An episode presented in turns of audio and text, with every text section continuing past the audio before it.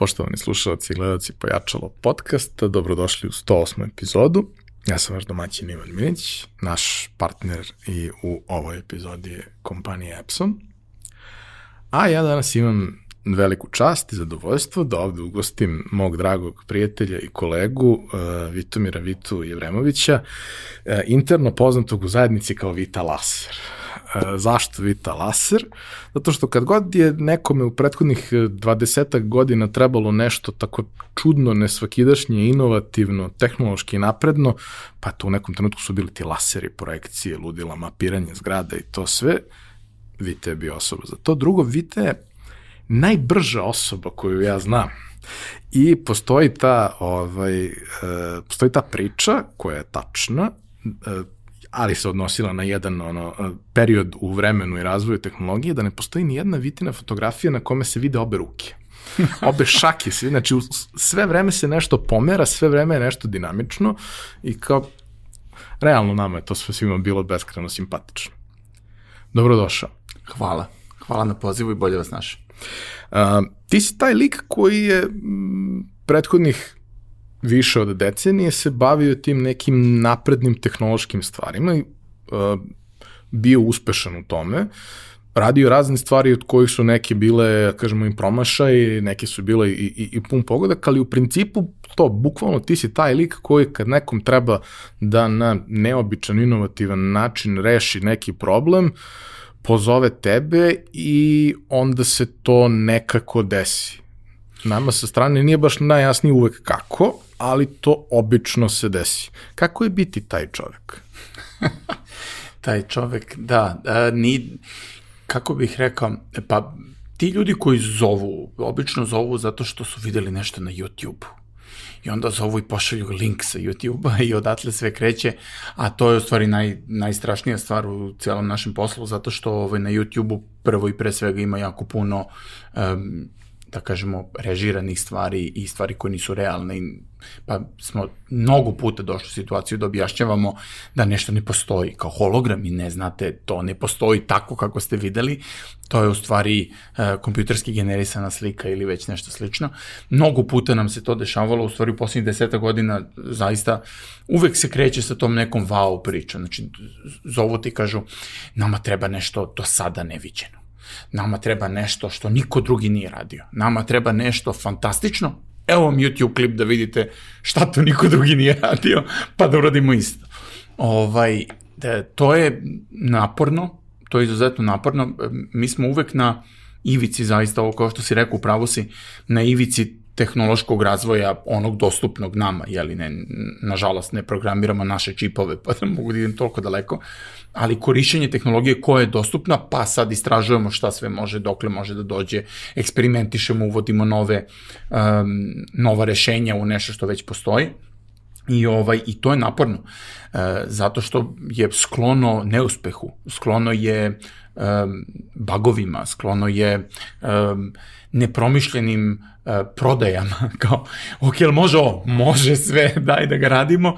I, ovaj, I onda se nekada dese uslovi, recimo, ne znam, svetlosni uslovi u e, supermarketu, ne odgovaraju senzorima koje smo postavili da detektuju pokret ljudi i slično.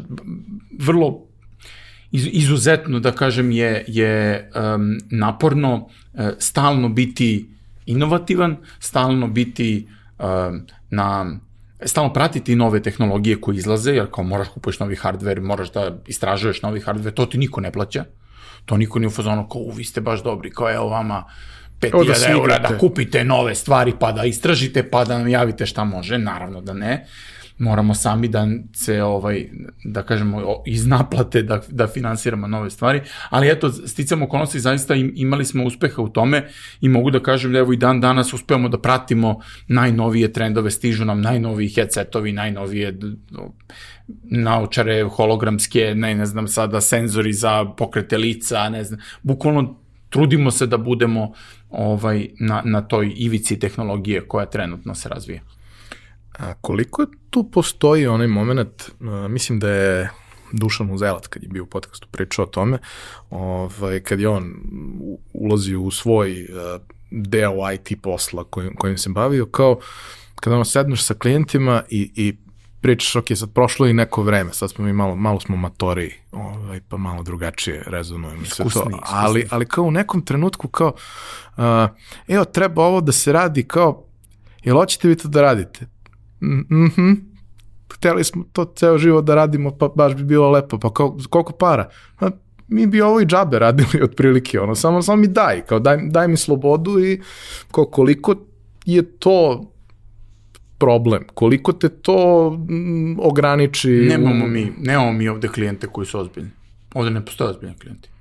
Ja sam izuzetno oštar prema klijentima, posebno u poslednje vreme, poslednje par godina, ovaj, jer su neozbiljni to su uglavnom ljudi koji nisu svesni koliko je naš posao komplikovan, koliko treba da nas slušaju jer pričamo ono što znamo najbolje i mislim iz te struke dolazimo. Ako si došao kod mene da ti objasnim kako da uradiš nešto, slušaj me. Ovaj, I to se, mislim, svakodnevno nam se dalje dešavaju problemi. Ima ljudi koji skapiraju i budu u fazonu, ok, sad pratimo ono što nam ti kažeš i kako treba da se stvari rade, uradit ćemo.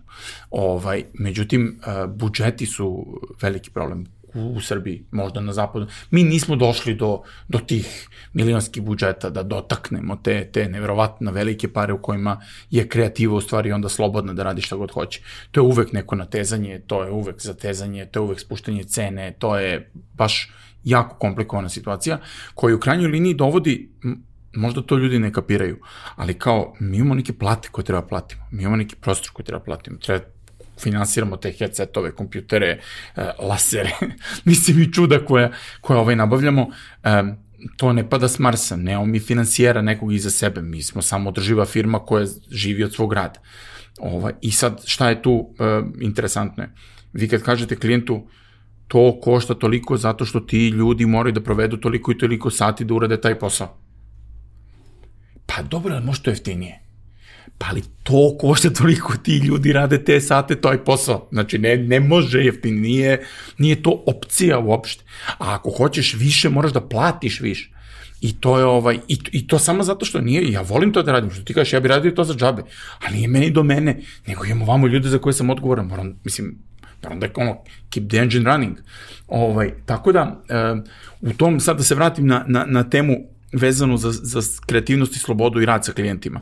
Um, zaista mislim da bi mnogo više moglo da se uradi kada bi klijenti prema svojim agencijama, produkcijama, mi se, mi se volimo da se zovemo digitalna produkcija, nismo mi marketička agencija, mi smo ona fabrika što zavrći šrafove. Ovaj, kad bi bili, i ja to uvek na, na svakom sastanku sa klijentima prvo, što pitam, koliko par imate? Koliko imaju budžet? Pa ja, pa znate, pa ne možete to vi nas da pitate, vi morate nama date ponudu. Ne, neću da nam ponudu. Koliko para imate? Rekao, mi možemo naš posao da uradimo, ovo je digitalna stvar, znači može bude malo, veliko, detaljno, manje detaljno, 3D modeli ovakvi, onakvi, aktivacije ovakve, onakvi. Znači koliko para imate, vi kažete koliko imate, mi vam kažemo šta otprilike možete dobiti s te pare, uklopimo se u to što imate. Nekako. Jer ovaj, sigurno nemate para da to uradimo onako kako bi bilo sjajno. nikad. Znači, ono, možda nam se jednom u životu desilo da smo, pošto obično pravimo tabela onako min, midi i max, ovaj, to je kao basic, ono, standard i kao advanced, I ovaj, jedno nam se samo desilo da su uzeli kao najskupi paket. Obično uzimaju kao najminimalniji. I to je šuma, neki cena, neki matrica vremena, tako sve. Uvek kao, jao, jao, mnogo je to, ne, nemojte. Ne. I, ali suština je, um, mi se trudimo da uradimo posao kvalitetno. Nemaš posao kvalitetno se uradi za malo para. Mislim, to je, to je užasno jednostavno. I, ovaj, I razmišljanje ljudi koji ti dođu, mislim, kod tebe, kao do, dođu kod mene u goste, ali tako, i kao hoće nešto da i mi radimo, ovaj, treba da bude sa stanovišta da, da, da saslušaju onoga kod koga su došli šta on ima da kaže. A ne da dolaze sa idejom da su oni klijent veliki koji je sad moćan zato što ima kao 7000 eura. Kao, care, Mislim, ne znam kako ti objasnim.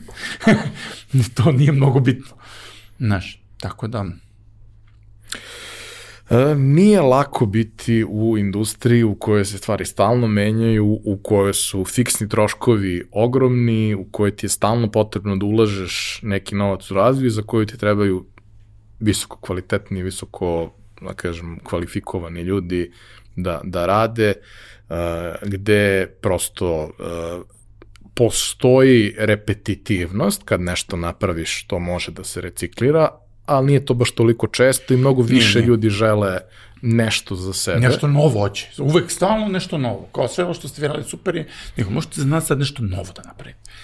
To je, da, veliki problem. Što se tiče biznis strane cele, cele priče, i kad sam počinjao svoju firmu ovaj, da razvijam, mi smo mislili da ćemo aktivacije koje napravimo jednom kao ono, dobru stvar, moći da prodajemo kao paket, da je preprodajemo mnogo puta. Međutim, to se možda desilo svega sa 3-4 aktivacije do sada koje smo ovaj, radili ovaj, i, i tokom niza od tih nekih deseta godina. Znači, nije to sad kao, e, ove godine napravili smo, ne znam, letenje orlom i sad svi se ubiše da, da, ovaj, da uzmemo letenje orlom, da ga mi reprogramiramo.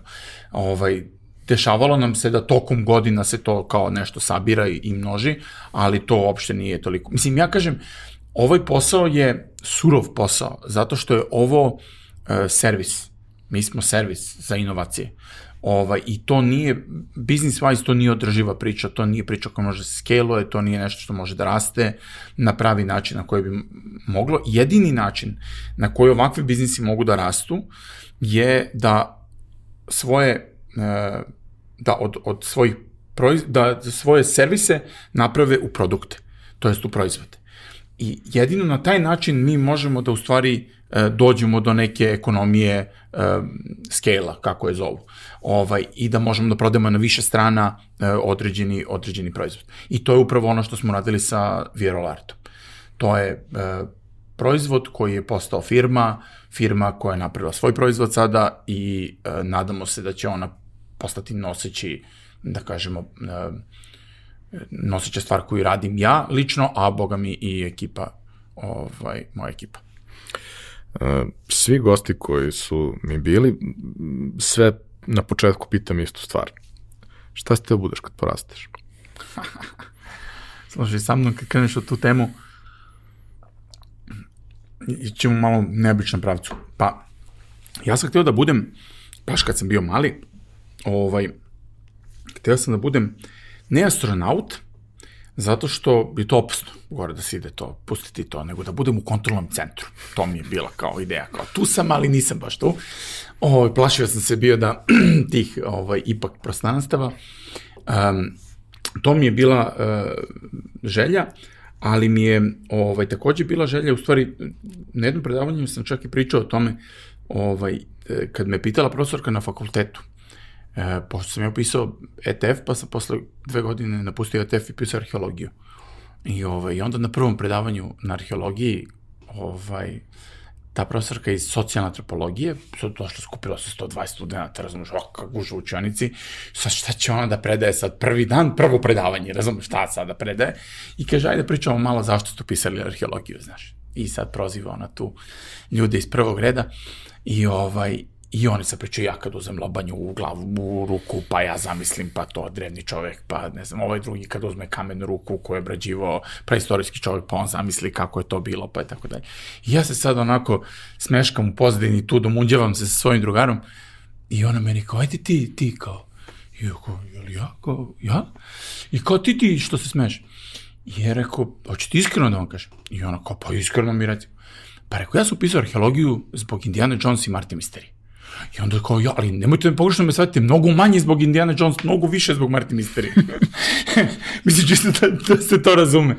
Ovaj, tako da, um, da, ja sam jedan svoj, u suštini moj život je nekako vođen uh, tom pričom Martin Mystery i od uvek sam želao da bude Martin Mystery, a kad sam izrasto iz priča o, o ovaj, kosmologiji, o, o, o putovanju van zemlje, um, i upisao sam arheologiju zbog toga, um, bavim se muzejima i kulturom zbog toga i vodi me ta neka priča ceo život i, i ono što je najinteresantnije, deluje mi kao da sam i dalje na tom putu. Mislim, znam tačno gde idem, znam zašto idem tamo i znam, ne znam šta me čeka, put je ono što je interesantno, ali je isto i šta je isto interesantno je zašto je Martin Misterija ta koja me vukla u celu priču. Zato što se Martin Misterija bavio, to je strip, ovaj, ko ne zna, eh, koji se bavio istraživanjem drevnih civilizacija, tehnološki naprednih, koje su postojale pre ovaj, naše civilizacije. Pričamo o Atlantidi, o Mu konkretno i sad u stripu je bila e, teza da su to bile užasno tehnološki napredne civilizacije koje su se samo uništile. E Nešto sad, kuda mi idemo sad. Pa recimo, da. Ova, I um, u suštini je moja potraga u, u, za prošlošću u stvari bila potraga za budućnošću. I to je sad ono najveći, mislim, shvatio sam ja to u nekom trenutku šta je fora, ovaj, i zašto sam ja kao kompjuteraš koji je kao od malih nogu programirao, a onda ga je zanimala arheologija, u stvari sve to ima veze sa tehnologijom.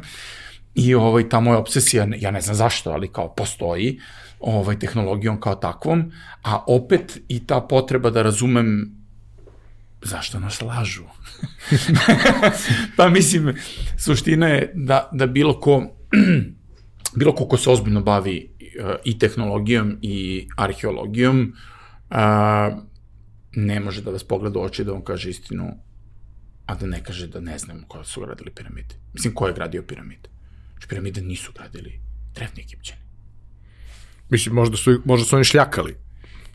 Pa i to je pitanje kako su šljakali i šta su šljakali. Mislim, to je, to je ovaj, mislim, meni je to, to su neka pitanja koja su po meni najznačajnije pitanja na kugli zemaljskoj. Znači, ušte nije bitno, ništa drugo nije bitno, nego je bitno ko je gradio piramide. Jer um, je to, mislim, to je monumentalno, to, to je nešto neverovatno. Vi kad dođete tamo pogledate to kako izgleda, znači, prosto neko ozbiljno je znao kako to da napravi. Mislim, mi danas sad da se dogovorimo i da, ne znam, Amerika finansira, Kina da gradi, ne bi umeli da napravimo to. To je neverovatno nešto.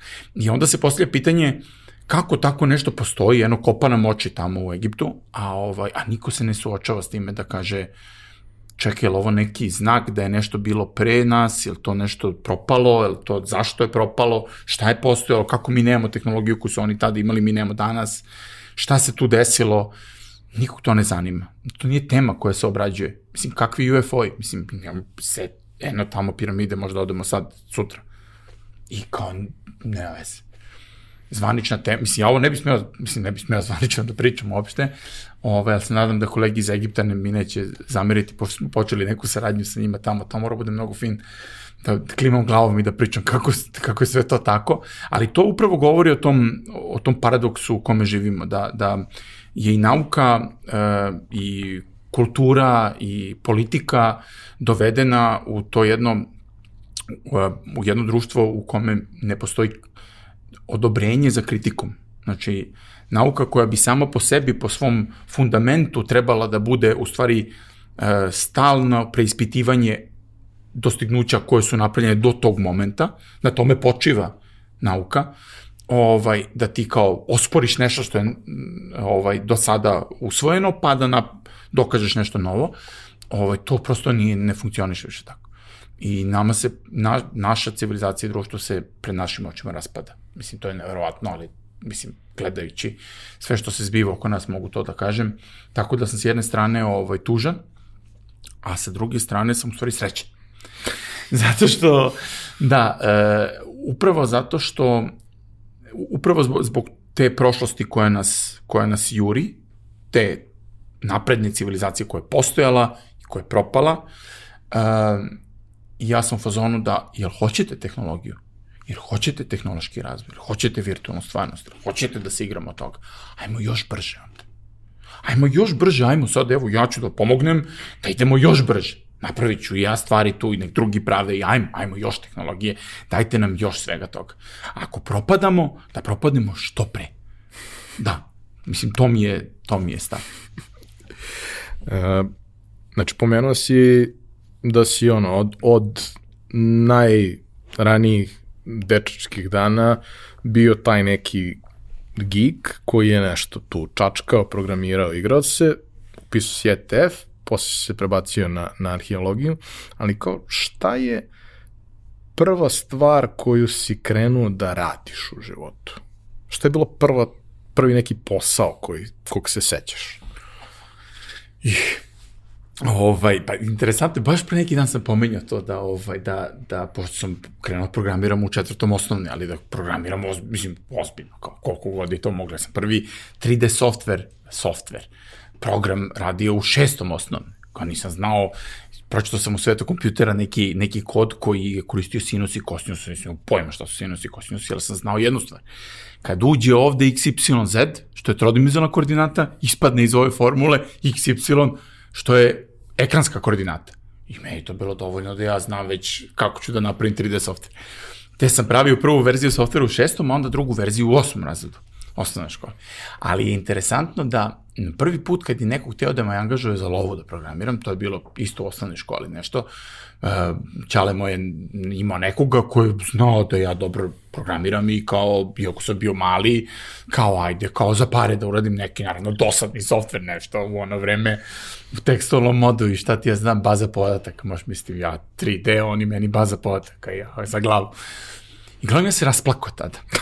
I ja sam rekao, tati, rekao, neću, hoću da se igram još, neću da me neko pritiska. I onda kao, dobro, dobro, ne moraš niko te ne tera, nego samo ovaj, e, smo ti ponudili, jeli. Tako da, pravu, znači, prvi put za pare, ako se dobro sećam, sam krenuo da radim u četvrtom srednje i to sam krenuo da radim na kompjuterskoj igrici. Radili smo Capital Punishment, ja sam tada radio PC verziju, a dobar deo uh, ekipe radio na Amiga verziji. Ja sam u stvari bio jedini koji radio PC verziju, konverziju sa, sa Amiga verziji. I to je isto bilo, to je posebna priča. šta je, šta je podrazumevalo? Koje su to godine prvo, a šta je, šta je to sama igra podrazumevala? 17, 18 godina. Pa Capital Punishment, čekaj kako ti pustim sa YouTube-a klip, ovaj, je bio tuča, I uh, radili smo, boga mi, godinama, nekoliko godina se to radilo. Ovaj, Aleksandar Petrović je nas je angažovao nas nekoliko u Srbiji, to je bila varijanta, ima u Srbiji neki talenata klinaca koji znaju dobro da rade, kao sad ćemo mi ja da pravimo igrici da zgrnemo brdo para, to je stara priča, zgrnemo brdo para, to je Ovaj, uglavnom, um, to je bila tuča, ali ono što je sad interesantno, mislim, anegdota koliko hoćeš iz, iz tog vremena i, i ovaj, moje prvo, moj život van kuće je bio kad smo dva meseca sedeli tamo dan noć programirali, znači ja sam se ocelio da bi kao sedeo i programirao i tako, mislim, drugi odu da se zezaju, razumeš, da partijaju, a ja otišao da programiram, sav srećan. Uh, uglavnom, interesantno je kad smo krenuli Capital Punishment da radimo, ovaj, to je bila tuča za Amigu i uh, nije bilo u to vreme kad smo birali kao šta će da se radi, Aca je tada rekao kao ajde radimo kao nešto čega nema trenutno na tržištu, kao šta ima od igara trenutno, nema ničega, od tuča, super, ajmo kao ono, stara priča još od Commodore International Karate, pa kao sad ćemo mi radimo neku, neku drugu tuču. E, umeđu vremenu, dok smo mi radili, izašao Mortal Kombat 1. A onda mi završavamo, izlazi Mortal Kombat 2. Tako da, kako bih rekao, Capital Punishment je eto, jedna škola života bila u tom trenutku. To je negde 94. 5. 6. Ma koja bre, to je... Ne, u stvari, jes boga mi, upravo si, izvini, 95. To je 95. Pa sećam se ja kad smo išli da rentamo Sega Mega Drive 2 da bi igrali Mortal Kombat. E pa. I one spis, spiska ovaj, i, i svesaka sa fatalitima i sličnim pa, stvarima. Pa to, to, to, to. Ja sam imao tada, ja mislim 17-17 godina, tako nešto. To mi je bila prva lova i onda sam od, od tih para kupio auto prvi. Kao, uj, ludilo. Tako da. I kako se razvijala priča sa poslom dalje? Šta si još zanimljivo radio? Pa znaš šta, mene nekako stalno, pošto sam krenuo sa igricama, u stvari prvi kompjuter koji sam dobio u životu i koji sam tražio, pa sam da ga dobio, tražio sam, i to sam i to pomenio pre neki dan, ovaj, na, na temu e, porodice i kao toga, kao je, da li su tvoji roditelji uh, odgovorili na sve tvoje potrebe u vreme kad je trebalo. Ovaj, nisu odgovorili na sve moje potrebe i meni je super što meni je otac umro pre, boga mi, pa ima sada već preko 10 godina, ovo, slušaj se lupam preko 10, preko 20 godina. Ovaj, e, međutim, mama mi je stvarno super i ono što je super, kad kažem super, mislim na to da je žena i dalje um, spremna da uči nove stvari, da se razvije i dalje, iako ima 78 godina, ovaj, i da pričamo o tome kako nam izgledala porodica, mislim, istorijat u porodici, kako su izgledali naši odnosi, gde su oni grešili, gde smo mi grešili, kako to izgledalo, bukvalno iz dana u dan napredujemo. Sad, zašto ovo sve pričam? Zato što imam čerku. I, ovaj, i čerka sada, nema još dve godine, ali boga mi već nešto priča, sve živo broji, znači mi smo u šoku svaki dan. Kad dođem kući ja se šokiram ponovo, znaš kao koliko ima duda u krevetu, kao jedna, dve, tri, četiri, pet duda ima. Ja kao, ti, ti si izbrojala upravo do pet, kao imaš godinu i osam meseci, kao mislim, ozbiljam, mislim, situacija, jeli? E sad, ovaj, zašto to pričam? Zato što um, je um, ono sa čim smo počeli, aj tako da kažem, i tada kad je, kad je sve to nastajalo, to je neka druga, drugi razred osnovne škole moj bio, kada su se pojavili prvi kompjuteri. I kada sam ja prvi put poželeo da programiram. Znači, ja nisam želeo da igram igrice. Ja sam htio da pravim svoju igricu. Sam mi fazonu, ja ću ovo bolje da napravim. Ovaj, I tad sam ja prvi put krenuo da, da, da ovaj, civam uh, tatu da mi kupi kompjuter. I to se desilo dve ili dve i po godine kasnije. I sad sve to stavljamo u neku perspektivu mog odnosa sa mojom čerkom. I činjenice da prepoznati određeni talenat kad, kad neko ima viziju i kad ima već vidi sebe i smisao svoj koji nije u igranju igrica i kao blenju, nego u nečemu konkretnom, treba, treba znati i prepoznati na vreme. I treba podržati na vreme i to je vrlo komplikovana stvar. Ja mislim sa, dobro, u ono vreme naši roditelji su stvarno živjeli neko drugo vreme, ali hoću da kažem da e, sam ja krenuo da programiram u četvrtom osnovnoj školi. I e, zanimale su me igrice da ih programiram. I kasnio sam sa početkom programiranja, jer kao ljudi su već imali uveliko Amige i Atarije i radili na njima i programirali i tako dalje. Ja sam krenuo odmah sa PC. Sad zašto opet sve ovo pričam? Zato što su mene te igrice vodile u stvari kroz većinu života, to programiranje igrica. I to je trajalo, boga mi, posle Capital Punishmenta još sigurno pa desetak, možda i 15 godina ovaj, je trajalo moje koketiranje sa game developmentom, aj tako da kažem. I mi smo ovde imali zaista u Srbiji izuzetno nepre, teške prilike, aj tako da kažem. E, nedostupnost financija, nemanje investitora nikakvih, e, nemanje tržišta, e, nemanje izdavača, nema, mislim, ništa nismo imali. Mi smo samo imali piratski softver. I to je velika razlika i, za, i zaista smo u, u tom dostupnosti piratskog softvera uspeli da razvijemo veštine koje drugi nisu mogli da imaju, jer nisu mogli da imaju 10 uh, programa, nego su imali samo jedan. Mi smo probali sve i izabrali najbolji i onda radili na njemu.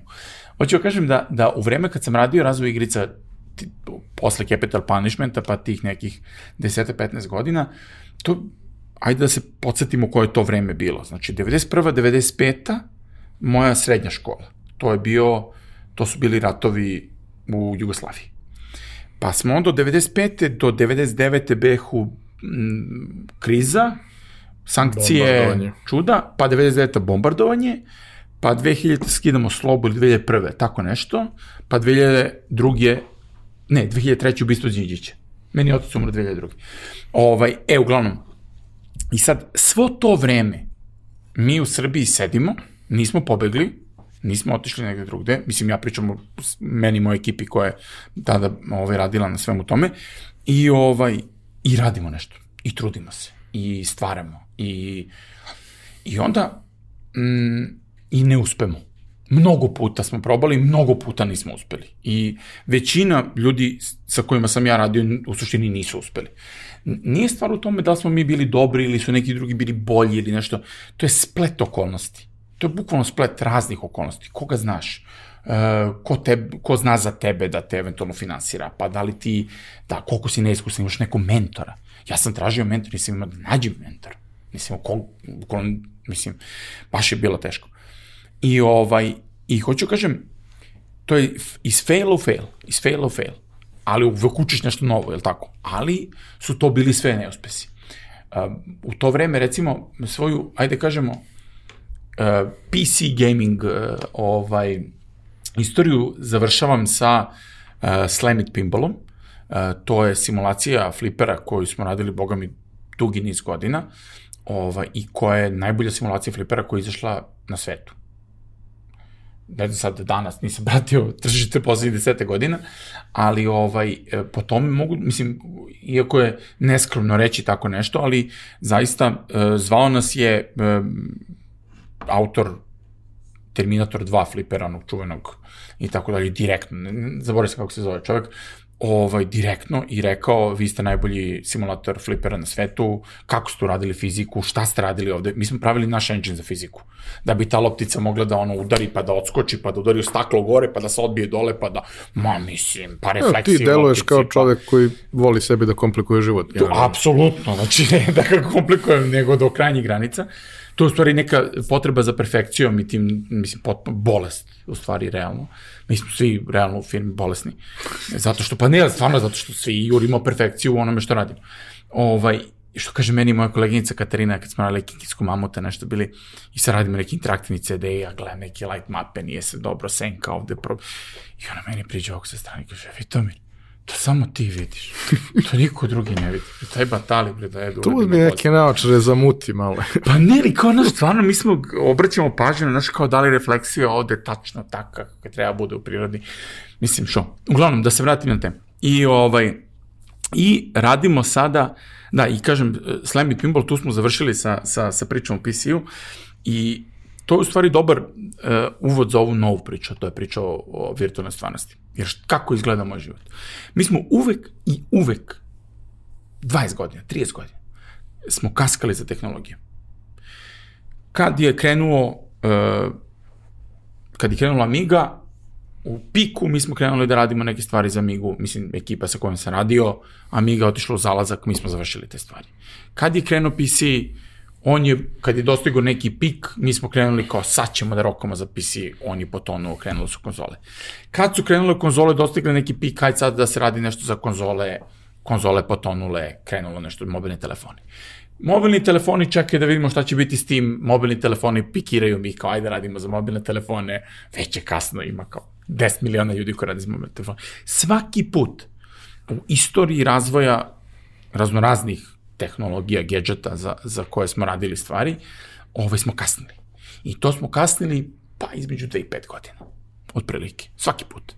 Znači, kad je krenuo Facebook, ma nećemo ko će da radi igrice za Facebook, katastrofa, to bre, pogledaj na šta liči bre, onaj, to, to, to, onaj web interfejs, odvratno, razumiješ? Znači, mi ne možemo da se pomirimo s tim da je to odvratno, razumiješ? Nama estetika ne da mira, ne da nam da, da radimo za to. Ovaj, Facebook eksplodira, mi kao ajde radimo za Facebook kasno, razumeš? Facebook ukinuo viralne mehanike. I tu je interesantna priča i sa Nordusom, šta se tu desilo i ovaj, uglavnom, uh, e sad sam rekao, pos, prvi put sam rekao, neće se tako da prođe. Došla VR tehnologija, nije još dovoljno dobra, sad radimo za VR. U stvari ne sad, nego kad je VR počeo. Zato što uh, su VR headsetovi bili lošiji kad su krenuli. Mislim, prvi ozbiljan VR headset i HTC Vive. Mislim, tu, u momentu kad je on izašao na tržište, tu je bilo postalo jasno da, da, da će tu nešto se dešava i onda su kukali ljudi. Ja, nije rezolucija dobra, ja, vide se pikseli, ja, ne znam, imamo ovaj problem, onaj problem. Ja sam rekao, ne, ne, sad rokamo za VR. Jer će sve to da reši proizvođači hardvera će to da reše u narednih 2, 3, 5 godina i u momentu kada reše, onda će svi da budu u fazonu, jao, ajmo sad radimo za VR, e, ćao, mi smo već tu i uradili smo posao. I to nam se sada dešava. I mogu da kažem da je prvi put od kad radim na stvarima uh, u, u tom smislu programiranja i razvoja tehnologije, da je prvi put da stvarno znamo zašto smo tu gde smo, da smo na vreme ušli u celu priču, da smo savladali sve izazove, savladavamo ih naravno svaki dan nove, ali da je, da je to, da je to ono next big thing će biti svakako. Kad smo bili klinci, ti jesi malo stariji od mene, ali u principu to neko vrlo slično vreme. Ovaj, posao što sam krenuo ran, ranije se razvijem. Ove, ali kad smo bili klinci, ono, nama je bio doživljaj da vidimo neki novi film sa novim efektima koji dolaze. Vizualnim efektima, 3D-om i svim ostalim, jer kao, uh, ja sam zapravo onaj lik koji obožava ono staro vreme kad su ljudi pravili makete, pa snimali, pa je to izgledalo ludilo, pa kao izgleda realno, pa što jeste realno, samo je malo, samo je snimljeno drugačije. A kao onda je počelo da se dešava to da kao sve više ulazi tehnologija do, do nekog trenutka kad sad više samo tehnologija, sad više ono, može, može glumac da ne dolazi, nije ni važno. Mislim, bukvalno vrlo blizu smo toga. Ali sećam se, i, i skoro sam baš dosta razmišljao ono, i analizirao te neke stvari, kao prvi put kad su se pojavili neki efekti i sve to kao koliko je to nama bilo ludilo. I pet godina kasnije pogledaš to i kao, a vidi se, brate, da oči nisu realne. Kao, vidi se, nije, znaš, kao, nije to ta kosa, kao, nije, mislim, kao, ok je, ali sad ovo znam ja da napravim, a tad je to radio ko zna kakav tim, ko zna koliko vremena. Jedina stvar, mislim, nije baš bukvalno jedina, ali jedna od redkih stvari za koje sam uvijek bio u fazonu, ovo ne može bolje od ovoga da se uradi Terminator 2. Jer kao, oni su baš sa merom uradili to i ja ne vidim nigde nešto i sada kada analiziram, možda da je to u nekoj 4K rezoluciji pa se vidi svaka tačkica ovaj, i sve to, kao, mm, ne može ovo bolje čini se da su ti ljudi baš znali na šta radi. Ali kao sve ove ostale stvari, upravo to, kao znaš, krene od nečega, evo, low res je, vide se poligoni, vidi se, o, pa dobro, ne vidi se baš toliko, pa nije ovo loše, i onda dođe do toga kao, wow, ovo je nerealno. I tad je već, kažeš i ti, kasno, tad već ne vredi. Ista priča je bila sa VR. VR kad se pojavio, kao svi mi gikovi smo bili u fazonu, jo što je ovo cool. Mislim, dobro vidim, ja sad nije to baš, mislim, jeste niska rezolucija i vidim, da, ali se pomera se, znaš, mnogo lepo kad se pomera nešto, ti se krećeš i to se nešto dešava. I kao, bilo je izvesno da stvari mogu budu samo bolje. Da li će ljudi da nađu komercijalnu primjenu za te, tu tehnologiju, da li će uspeti da ono, nađu, ne, ne, da ga smeste na neki način, kao, znaš, ono, ne znam, augmented reality je bio najcool stvar na svetu pre 10 godina. I dalje mi se čini da se nije smestio negde gde treba, kao pojedinačna stvar, ali u okviru VR ono koncepta je našao svoje mesto. A kao sam augmented reality, osim što što idemo i skupljamo Pokemone pre par godina, kao ni, nije mi to to, kao gledaš kroz ekran, ok, ali nema neku Pa ima alatki, mislim, može da se koristi kao alat za razne stvari. Sad, krenulo je to da se, da se razvija, ali tebi je, znaš, ti možeš sada da meriš Možda staviš stvari... namešte iz Ikea da vidiš tako kako je, stoji. Tako je, ima, ima svoje ozbiljne primene i ono što je u suštini okosnica uh, da kažeš razvoja AR-a je u stvari upotreba u VR-u. Tačnije u mixed reality i u VR-u uh, je za uh, praćenje pozicije kamere u prostoru. Mislim, da. kaže kamere, mislim na ono nosi, nosioca kamere, telefona, VR headseta, što čega god, ali kao precizna pozicija u prostoru gde se nalazi određeni uređaj i u stvari AR tehnologijom moguće izvesti. Ovaj, tako da, mislim da je to ono što je napravilo veliki iskorak i u suštini uh, Apple sada sa svojim uh, 3D senzorima, mada je to krenuo i Microsoft da radi sa HoloLensom još poodavno, ovaj, je u stvari dobio taj, kroz taj lider tehnologiju, to je 3D skeniranje u realnom vremenu, ovaj, još precizniji podatak o tome gde ti se nalazi uređaj u prostoru. Uh, i mi ćemo to, mislim, mi to i koristimo za neke naše aplikacije koje razvijamo, ali svako ćemo koristiti više, prosto je, tracking je fenomenalno stabilan i ta iluzija onda postaje mm. jaka. Mislim, ceo taj moment, kao, znaš, kad, kad Apple izbaci, i ne samo Apple, ali ajde, mislim, pričamo o kompaniji koja je uh, sa tim što postane komercijalno uh, upotrebljivo kroz vreme, u principu lider. Obično ne ubace prvi, ali ubace u onom trenutku kad to stvarno kao nečemu može da služi, može se koristi. I kao vrlo često se dešava kad krene ta neka priča, uba, ubačena nova tehnologija, kome to treba, kao šta će to, to ne služi ničemu. I to sve i dve godine kasnije se u fazonu je pote, šta, da, i šta meni, ljudi treba rade. Mi. Ove, ovaj, I kao, jako je zanimljivo to posmatrati sa strane, verujem da je još zanimljivije kad si, kad si u svemu tome. Ali volao bih da te vratim uh, na priču o Flipperu. Znači se ja sećam te priče. Znači, mislim, mi, mi se nismo znali tada, ali sam ja znao za priču da postoje neki ludaci koji prave nešto što uh, mi, onako mi se čini kao upravo uh, dobra, uh, dobar primer kako je izgledao tvoj život u tom jednom periodu, da ti kažeš kao, uh, mi smo pravili svašta nešto i failovali smo stalno, niste failovali, odnosno failovali ste uh, u smislu rezultata, ali vi ste napravili to. Samo se nije desilo ono nešto drugo.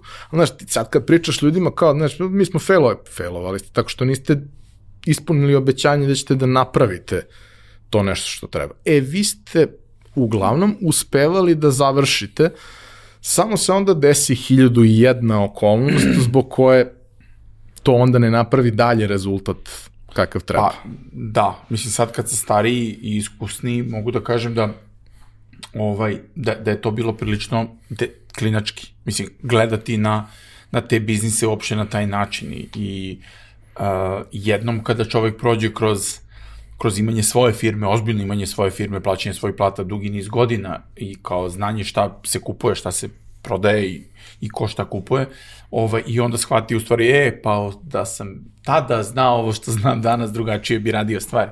Znaš, recimo, mi smo, Flipper kad smo radili, ja sam kad smo krenuli u, u Flipper, to je bio projekat koji treba traje šest meseci, jer kao šta Flipper, kao bum bam, napravimo ga, pa ćemo onda posle toga da radimo futbol menadžer. Da, pogreši čovjek. pogreši čovjek, da. Ja sam inače futbol menadžer kretao da radim dva ili tri puta u životu. Ovaj, u, u, prethodnom, u prethodnom životu. Ovaj, I moment kad je, kada moji kumovi su inače bili prvi finansijeri za Flipper, su bili u fazonu, ajde kao vidim to igrice, kao sve da obrnemo neku lovu, kao da to, ja rekao, znate šta rekao, stvarno, mislim da mogli bi da probamo nešto da uradimo, jer smo mi tad završili interaktivni Beograd, I ovaj, to je stvarno bio spektakularan projekat, to je ono rekonstrukcija Beograda iz 15. veka, to smo radili 2004. godine za 3D naočar. Imali smo 3D naočare i postavili smo kao 3D bioskop u, ovaj, u Barutani, koji nije postoji u Srbiji tada. Mislim, nabavili smo naočare iz, iz Amerike, to isto posebna priča. Ono, 3D karticu, pazi, u real time smo imali milion poligona smo terali 2004. godine na kompjuteru. Mislim, ne znam da li ljudi znaju šta to znači, ali to je bilo, znaš, kao četiri nivoa tekstura na zidovima, ono, znaš, kao imaš teksturu, pa imaš, ne znam, ono, mapu, pa imaš curke smo ih zvali kao ono, oštećenja neka, pa imaš light mapu, osvetljenje. Ne, ono, show. E, i ovaj, da, i sad Interaktivni Beograd e, se desio i posle toga su puno je bilo interesovanje u mom okruženju kao je kao šta bi moglo sledeće i jedna od tih stvari je bio ovaj i, i Flipper i kao ajde radimo i kao ajde i kao daj, ajde rekao da izbacim neke dve, tri ideje šta bi mogla se radi da pa da vidimo šta će. I ja rekao, jedno je futbol menadžer, rekao, to sam već probao da, da krenem, nismo imali love, rekao, to bi mogli da radimo, ili kao Flipper. I kaže kumo, aj obe stvari da radimo. I ja kažem, pa nemamo toliko para, a i rekao, ajde uradimo prvo ovaj fliper, to je mnogo manji posao od full menadžera. Rekao, to ovaj, iscepamo za šest meseci, ćemo ga završimo, nema problema i krenemo s time i onda i tu lovo od toga možemo da uložimo nazad u full menadžer i tako dalje. Ja ne znam gde sam se više zeznao, znači bukvalno ne mogu više kad pogledam bukvalno ne znam gde ste se više zeznuli, niti Flipper traje šest meseci, ja se napravio, traje tri ili četiri godine, ne znam koliko. Ja sam tu pukao svojih para, ne znam koliko, nisam teo da ispalim kumove, nego sam bio u fazonu, kao vi ste uložili vaše, vi nemate da brinete, to će biti gotovo, i ja to plaćam kogu god mogu, zarađivo pare s druge strane, plaćam razvoj Flippera. Ovaj, Football Manager nikad nije došao na red, Naravno, to je, znači pričam 2005. 6. godina. Kad je Nordeus krenuo? 2012. Da, recimo, 10. 12. Znači, pazi, šest godina pre toga. I to nije bio pravi trenutak. Znači, nije bio pravi trenutak da se tada radi online. To je bilo ideja, je bila online football manager. Znači, ne ovo, ovo je kao offline. Prosto nije bilo, timing isto užasno važan. Taj network je bitan, kao moment kada se pojaviš, gde se pojaviš, da li si tu spreman, nisi spreman. I, ovaj, I to ste da kažem za Flipper interesantna priča. Ja sam na početku rekao uh, jedna tabla, jedan game. Znači izađe kutija sa Flipperom, jedna tabla. To kupiš, pa onda ako hoćeš sledeći, pravimo novu tablu. Jer to je onda kreativa za tu tablu, ozbiljno osmišljena priča, Aleksa Gajić crto ilustracije, znači Jamon radio animacije, ma mislim, ono, ludilo šta smo uradili od tog Flippera. Uh, Ovaj, I to bude jedan najveći failov. Znači, nijedan izdavač nije htio da nas prihvati zato što nemamo tri table. Tad je bio standard kao jedna flipper, tri table. A mi kao jedna tabla, pa kao kuću kupi jednu tablu. Pa kao ovo je najbolja tabla na svetu, kao ludilo. Kao jeste, jeste, super je, kao, ali trebaju tri. I šta onda radiš? pa, Joj, onda ti si vraćaš me nazad.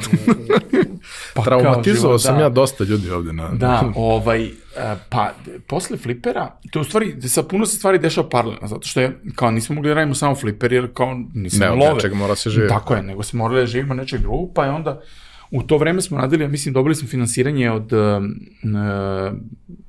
to se zove RSDP program, Regional Socioeconomic Development Program, napisali smo najbolji projekat u to vreme, u smislu najbolji ocenjeni, najviše para dobio i tako dalje, taj, to je projekat Kikinski mamut.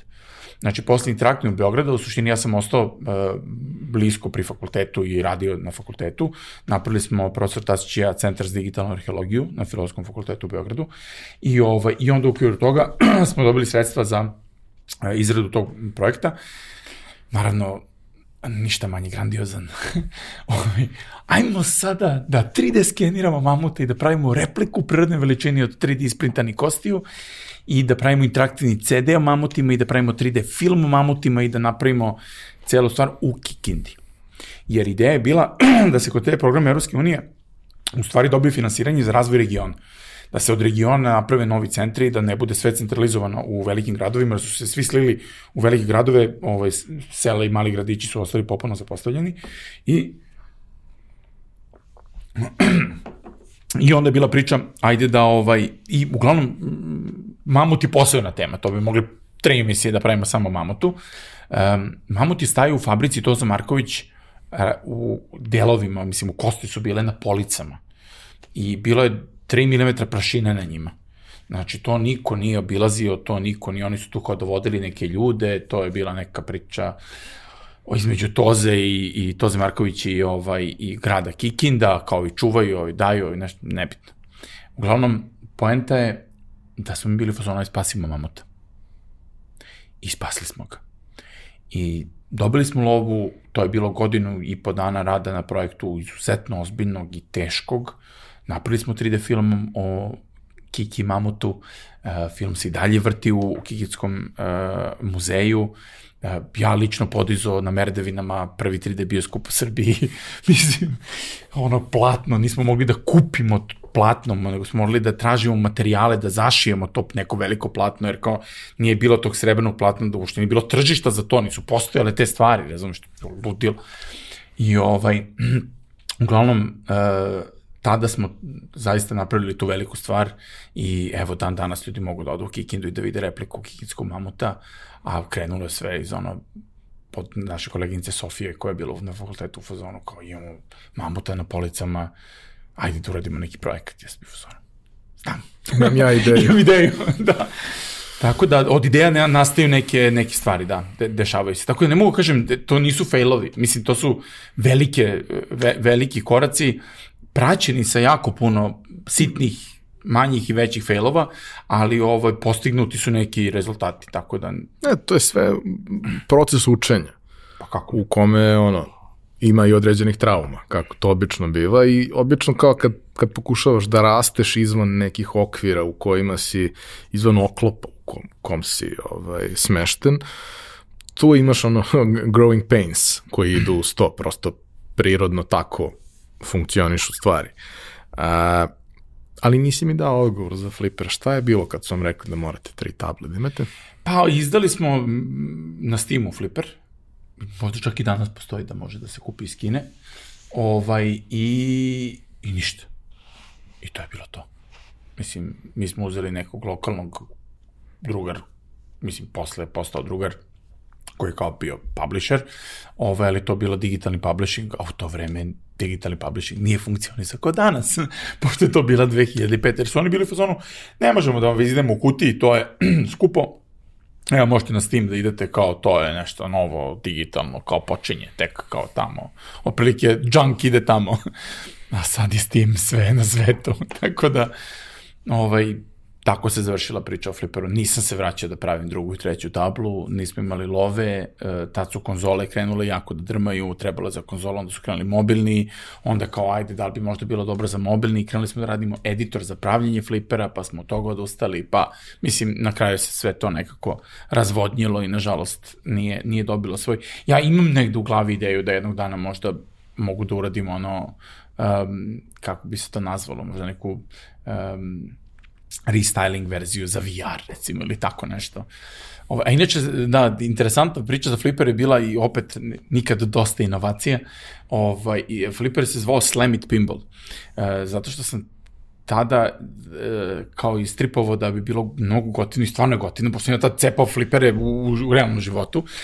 Izlazili smo u dolar, bili i tamo oh. provodili provodili Dobro. noći i noći i ovaj tamo bio fliper, znači to smo kidali Indiana Jones i, i, ovaj, i još po neki, ali Indiana Jones je bila omiljeni. Uh, uglavnom, znaš, ti nemaš da igraš fliper ako ga ne udaraš.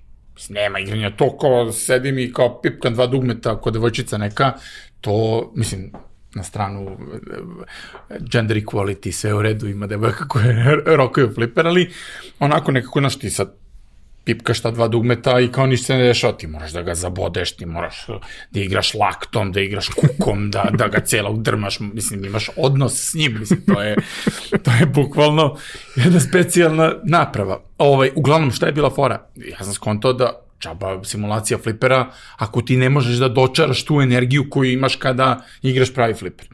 I sad, pošto je to bio fliper, za, igrao se na kompjuteru, na tastaturi, obično se fliper igrali ono dva shifta, levi, desni, i kao udaraš to. I ovaj, ja sam bio ono, čekaj, prestani, daj da ono, kao detektujemo da, da ti rokaš staturu rukama ovako da udaraš i kako ti gde udariš, razumeš, tako vektor da izračunamo i da tako zadremamo fliper. I sad to je bilo da ga isprogramiramo da umremo, pošto ne možeš da, do pet tastera može se detektuje, nije, ba mislim, tehnički je problem, nije, nije idejni problem toliki, bi uglavnom rešimo mi to i stvarno ovaj, napravimo, napravimo ovaj, to da, da ima čak na traileru za Slam It Pimple, na, ima ga i na online, snimali smo neki video gde smo kao udarali to i ispadaju tasteri s tastature, da smo što ono lete, bukvalno. I to je, ali al taj efekt je postoja. Mislim, to je, to je stvarno radilo i to je, to je davalo taj dodatni doživljaj. Znaš, kao ide loptica da ti upadne sa strane, da ti ga kao par puta rokneš po tastaturi i kao ona naš izađe. Jer oni drugi simulacije su imale varijantu na space, kao da ga zadrmaš. Mm. Ali ovde je bilo u zavisnosti gde udariš tastaturu, s koje strane, iz kog ugla, tako je reagovao Flipper. Tako da, eto, još jedna od interesantnih. A, kao što rekoš, voliš sebi da zakomplikuješ život. Uvek. A, imaš takvu priču u koju si uložio mnogo sebe, novca, vremena, svega i ta priča se ne završi onako kako, kako si zamislio, kao kako krećeš dalje? Pa, znaš šta je, hm. nijedna priča nije počela i završila se. Se dešavaju neke druge paralelne priče. I onda je to valjda isto neki način da da ne propatiš toliko, nego uvek imaš nešto drugo. Jednom u svojoj istoriji sam shvatio, u jednom trenutku sam se plašio da moram da realizujem ove ideje, jer možda neću imati nove ideje. I onda sam shvatio nekog trenutku je to potpuno glupost. Jer kao, nove ideje imam na, kao, na, na mesec dana imam novu ideju, a na šest meseci imam grandioznu novu ideju, tako da uopšte nije pitanje da će biti ideja, ideja će uvek biti, tako sam prestao da imam strahove oko toga, to ono kao, to više nije tema, tema je da se uradi nešto, jer u suštini, e, posebno ako postoje neki mlađi ljudi koji slušaju ovo, mogu bi da dam sad na stranu sad ove šale i pošalice iz života, ali uh, život me uči jednoj najbitnijoj stvari, a to je da I to su me, kad sam bio mali, pitali mnogi, bili kao, e, šta si ti završio? Šta si ti završio? Nema veze da li nije uspelo na tržištu. Si ti uzeo nešto od početka do samog kraja i završio. E, to je moment u kome se u stvari poznaju junaci. Tu je junaštvo. A u današnje vreme još veće junaštvo u tome što nešto kad napraviš do kraja, tu stvari nikad nije napravljeno do kraja, nego to treba da živi, da živi, da živi, da živi. Nekad ranije to bilo ono kao uzo si nešto, počeo si i završio si. Sad je to, mislim, lansirao si ga, sad je to, u današnje vreme to priča. Ali hoću da kažem da je neka lekcija iz, iz prethodnog života za neki budući život, svima koji nešto rade, je da uzmu i da ne ostave na pola nego da ga doteraju do kraja. I da to šta god uzmu, da li će pravi podcast ili će da programiraju ili će da ono crtaju cveće i da bit, nebitno je. Samo kreni i završi ga. I svaku stvar koju kreneš, što bi rekao Joda, a moja čerka kaže Joda, Joda, Joda. Naučio sam sve to, moram da da. Kaže, try not. Do or do not. There is no try. Znači, to je zaista jedna najvećih mudrosti. Nemaš ti je kao pokušavaš. Brate, ili ga uradi ili nema ga uradiš. I nije problem da ga ne uradiš. Samo je bitno da ne, nemaš osjećaj da kao pokušat ću ovo, pokušat ću ovo, pokušat ću ovo. Tako da, da Nema li da počneš, ali ako si počeo, Pa ili, ili ga ne uradi i reci ne, ovo odustajem od ovoga, znači reci jasno i glasno prvo sebi kao odustajem, ili ga uzmi i iz, izrokaj ga do kraja, koliko god možda, iz, mislim da izdržiš, da izdržiš do kraja, jer to je ono što ljudi koji počinju možda ne znaju. Taj kraj je u stvari najteži i najduži. Početak je najlakši i najbrži. I deluje ti da si uradio, kaže ono pravilo, 80-20, znaš pravilo? Da. Da, znači 80% vremena ti treba da dođeš do, to je 20% vremena ti treba da dođeš do 80% proizvoda, a onda ti treba 80% vremena da dođeš do 20%, završiš poslednjih 20% proizvoda. I to je zaista tako. Znači, taj... naročito ako imaš ove, poremećaje i nikad nije dovoljno dobro iskod, znaš, sve, sve ove metodologije koje su došle uz startupe i to sve vreme pokušavaju da nas nateraju da stvar pojednostavimo i dovedemo je do nečega što može da se tržišno testira, potvrdi pre nego što ono damo s- krv, suze i znoj da je završimo. Kao mi koji smo starovremenski ljudi, zvuči mnogo strašno kad da, ja to kažem ne znam kako na 36. mikrofonima kažemo, mi smo stara ekipa.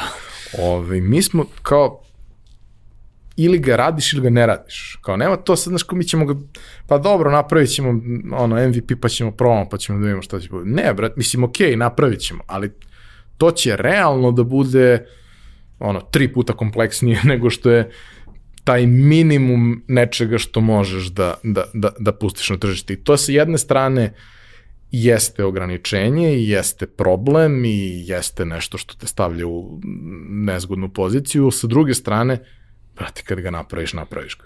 Pa da, ali mislim da se i, vreme, i vremena su se promenila. Mislim, mi smo ranije ono kao kupovali gotov softver. Znaš, ti kad dođeš, pa kao auto, kao ne, ne kupaš ti beta verziju automobila, brate, ili imaš auto ceo ili nemaš. Mislim, užasno jednostavno. Tako smo mi ranije, mislim, oni starije generacije se naravno sećaju kao imaš softver, snimiš softver na disk i pokreneš ga. I on radi. I kao sve radi. Nema ništa da ne radi, nema bagova, nema ničega, sve radi. Mislim, obično je tako bilo, bar u ono vreme se sećam. Ovo, a u današnje vreme je potpuno normalno da ti kao ništa ne radi i da ti stalno nešto novo uh, implementiraju i da ti menjaju. Ja sam poludio bio, prvi put sam dobio epi napad kad je Facebook uh, krenuo da, da menja stvari, ovaj, jer sam bio u fazonu, alo bre, ja sam se preplatio na ovaj servis, a ne na ovaj novi što mi sad vi ste implementirali. E, ali oni su baš posebno ono hipici ovaj, po tom pitanju, jer kao oni promene nešto i ne dokumentuju to nigde. Nego kao, evo, pa u naredna tri meseca će neko da sedne i da iskuca, kao, Ma da, Na osnovu to, to feedbacka korisnika. biznis stvarima, ali oni su menjali bre u interfejsu, ono korisničkom Sve. interfejsu, sve. Znači, hoću kažem, i tu je krenuo taj trend online proizvoda, u stvari koji su postali softveri koji no, su online, online. poluproizvod. Da, poluproizvoda.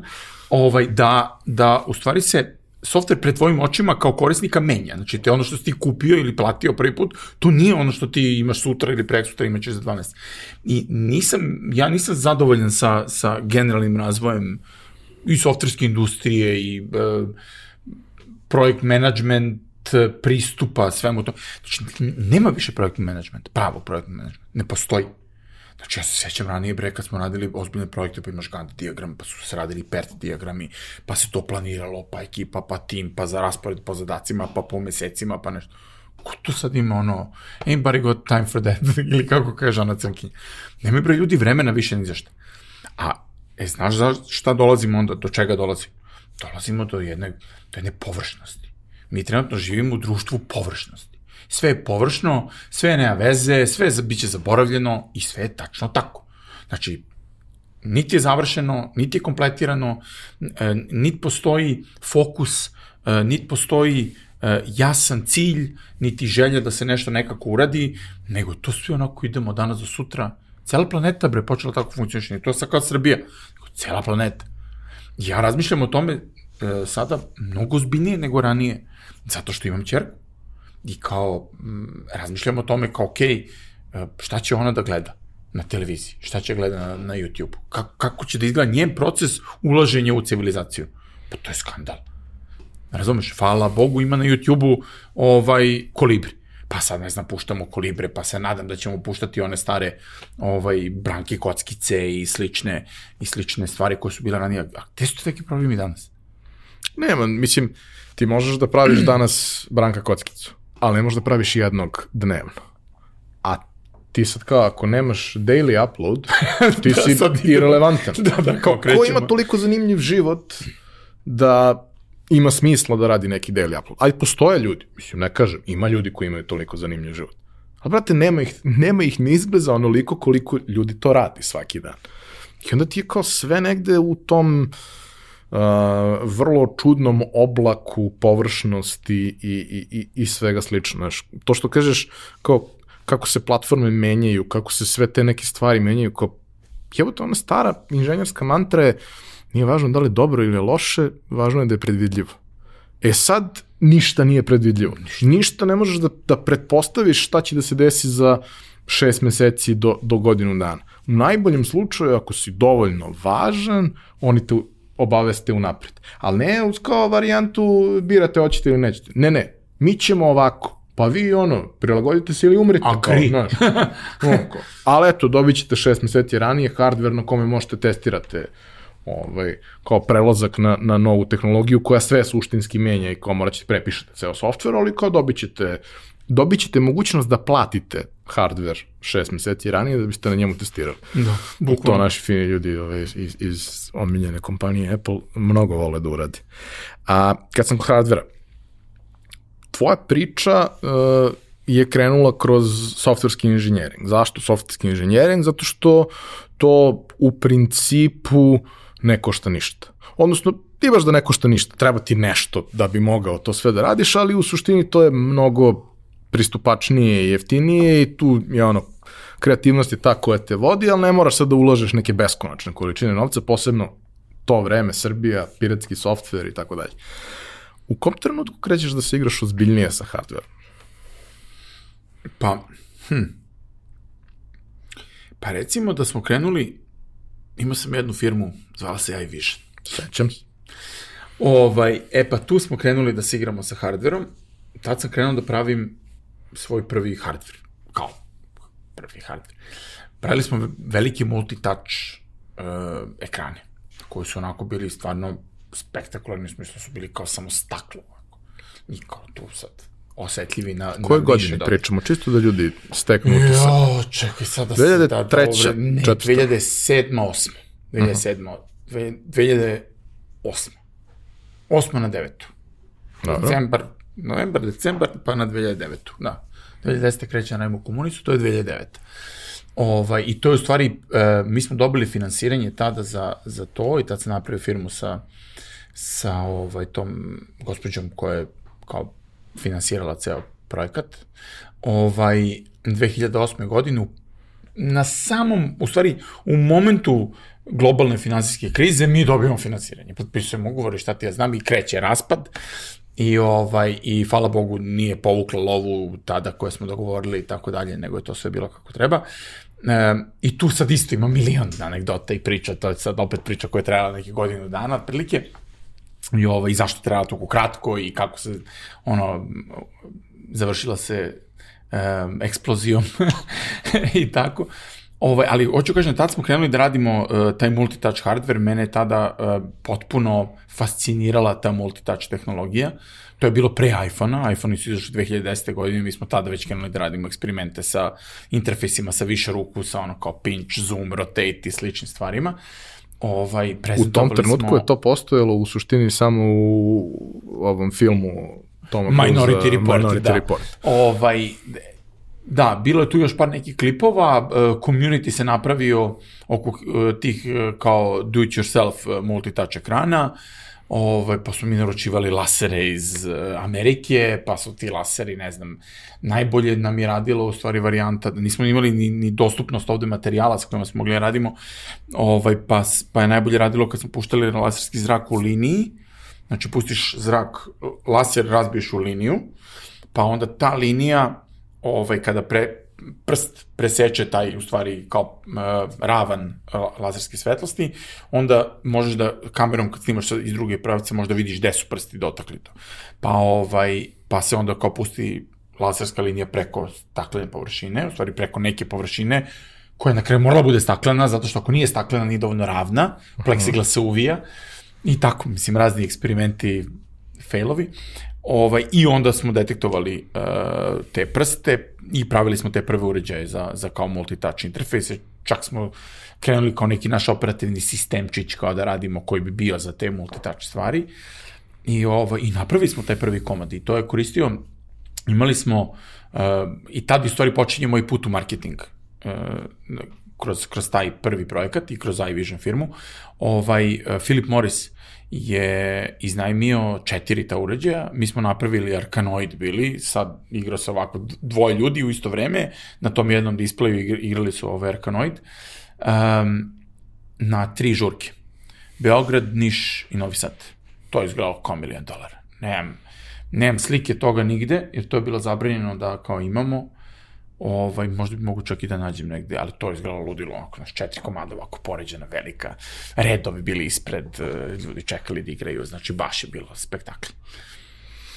Ulazak u, u takvu neku priču, ono, kao, nosi sa sobom jedan novi set problema za osobu koja voli sebi da komplikuje život i u jednostavnijim okolnostima, to predstavlja jedan potpuno novi poligon da sebi komplikuje život. Pa da, ovaj, da, mislim, hardware je ono, ne, mislim, mi dalje radimo sa hardverom, jeli, realno, ono, kao pravimo uh, touch screenove, izmišljamo čuda neka novo sa senzorima ako imamo prilike da, da, da to radimo, ovaj, ali je uh, hardware jedna teška teška stvar, zato što kao prvo treba da znaš što da radiš, drugo treba da imaš inženjere koji će to umeti da sastave, ne znam, stručnjake koji, znaš, ipak je to nešto fizički opipljivo, tako da podložno je pucanju, pa je podložno, jeli, ovaj, ne, ne možda nabaviš ti u Srbiji, nemaš, nemaš dostupno, sad iš u mikroprinc da kupuješ razno razne kontrolere čuda, mislim, dobar dan, ja došao, jeli imate ovaj izvor svetlosti. Poslednja stvar koju, koju sam radio, radio to od, od hardvera, i to sad do, čeka da, da, da, da se završi, ovaj, je, um, zovem ga 2,5D skener. Tačnije, to je specijalni skener, to jest nije skener, nego tehnologija skeniranja uh, slika. To jest, kad kažem slika, mislim umetnički slika, ovaj, gde možemo da izvučemo finu teksturu sa površine slike, znači neravnine, kao i ocijaje što je mm -hmm. posebno teško. Četiri, mi kažem, četiri sloje detalja ovaj, se skidaju. Skida se originalna boja, ovaj, reljef, e, ocijaj i jačina ocija. I to su četiri teksture koje se dobije od toga, ali to je opet sad za, za to tržište umetnina i, mislim, budućnost digitalizaciju kulturnog nasledđa i digitalizaciju umetnosti dosta važno, a to je isto hardware. Ali u suštini se taj hardware sada sveo na augmented reality i na jedan izraz svetlosti kojim se kruži oko slike i slika se fotoaparatom i onda neka kompleksna matematika radi iza toga i dobije se ti stvari. Tako da, mislim, eto, razne stvari, da se stvarno, ti si prvi put neko ko mi je rekao da komplikujem sebi život na taj način i, i sad mi to odzvanje u glavi, ja mislim Ali da nisam, spavam. Pa, nisam, nisi Upravo prvi si, gost. Mislim, to je... Nisi prvi gost kome sam to rekao. Ima dosta gosti ovde je bilo kojima sam ja rekao da oni mnogo vole sebi da komplikuju život. Ali, znaš, ne bi bilo Ali interesantno ne bi bio da život, nije život da nije komplikovan, razum? Mislim, da, da ga ne zakomplikuješ sebi, jer ako ti imaš taj drive da u sebi, da, da praviš takve stvari, ti da kopiraš nešto obično što već postoji, kao ti možeš da izmisliš nešto novo, tebi, što kaže, imaš pundravce u dupetu, razumiješ, ne, ne, ne daju ti mira, nešto te pecka ovde i ne vredi, ne, ne, ne vredi, nemaš ti protiv toga. Tako da, Kako se tvoj uh, život razvijao u posljednjih desetak godina? Pa evo, tačno desetak godina razvijao se tako što sam izašao iz komunist marketing agencije, gde sam bio direktor, sačetnik digitalnog sektora, u stvari. Ovaj, posla Visiona sam otišao u komunis i počeo da radim kao u digitalnom marketingu, koji je tad praktično ni postoje. Tako je. I, ovaj, I u to vreme smo mi pričali klijentima da treba da dođu na Facebook i da je Facebook nešto novo što treba kao desit će se to. Što je fazonu, važi, važi, pusti nas Dobar Facebooka, dečko, da, da, si. kakve bre društvene mreže koje su to gluposti. I onda kroz godinu ili godinu i po dana su oni dolazili kod nas i pričali o tome kako mi da budemo na Facebooku. Tako da je tu, i tu je krenulo u stvari taj, e, mogu da kažem, taj moment je bio ključan, preloman u mom životu. Ovaj, prvo zato što je to bila prva prava firma u kojoj sam ja radio. Ja pre toga nikad nisam radio u firmi. Ja sam pre toga stalno nešto svoje gurao.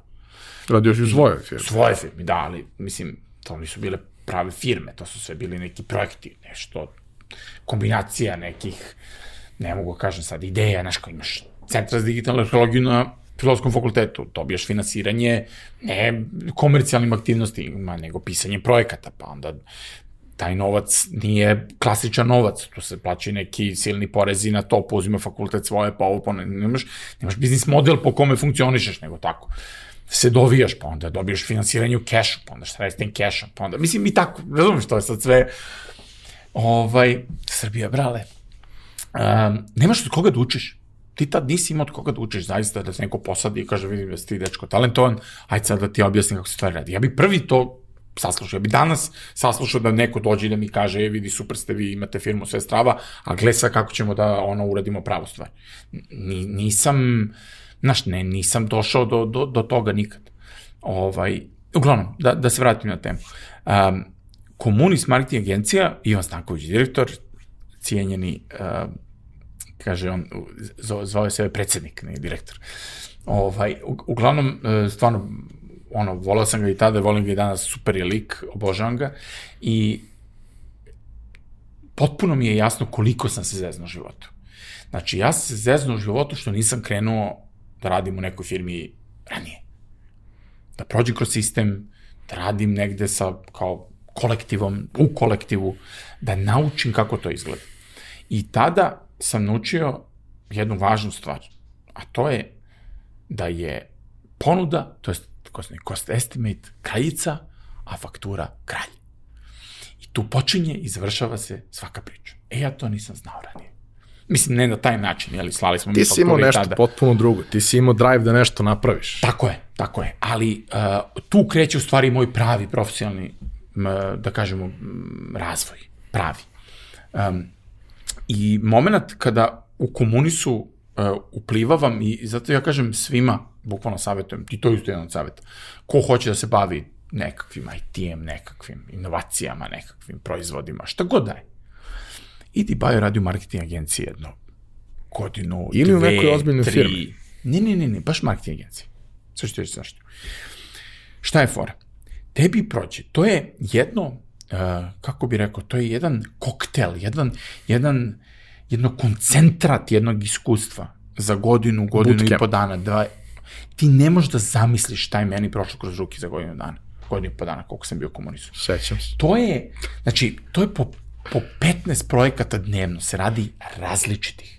Znači, mi imamo sad, ja tačno se sećam situacije, znači sad idem kod Stankovića gore, pričamo nešto o Narodnom muzeju, o virtualizaciji, naravno uvijek sam bio u muzejima i toj priči, i sad završili smo taj genijalni sastanak, hoćemo tadašnjem ministru kulture da ispričamo tu genijalnu ideju, šta bi tu mogla da se radi, ovako, onako. Uglavnom, ja sad izlazim iz njegove kancelarije posle dva sata sastanka, ozbiljne kreative ideja, šta bi mogla da se radi, silazim dole, zaustavim me koleginica na hodniku i kaže, Vitomir je samo ona kampanja za Ariela što smo sada radili, nije Arlibe, za Persil bilo re, tako nešto, rekli su da povećamo font i da, ne znam, da zlatnici budu veći u kadru, molim te, to vidi se ekipa.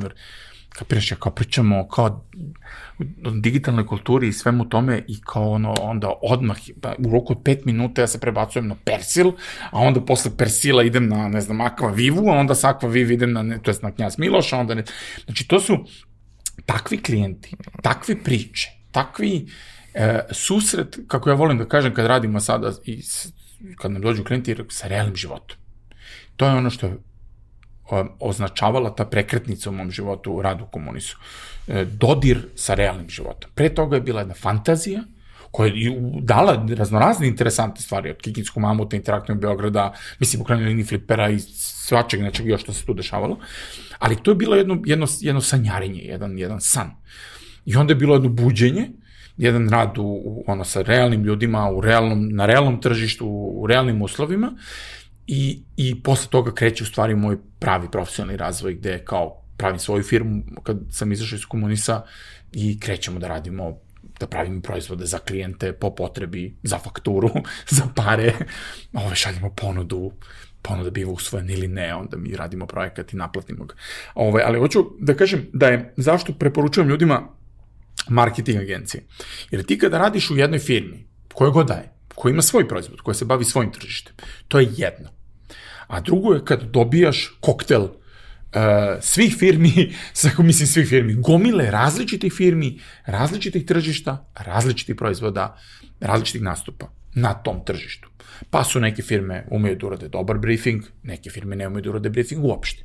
Neke firme ti dođu sa pričom, e, ovako nam izgledaju naše pilari brenda i šta ti ja znam, a neke firme dođu i kažu, ko vam je konkurenciju? Pa ne znamo ko nam je konkurencija. Da, napravi Mislim, da ima, bude svetski. Da, napravi da bude wow, treba nam nešto inovativno, koliko vam je budžet, pa 2000 eura, pa super, pa...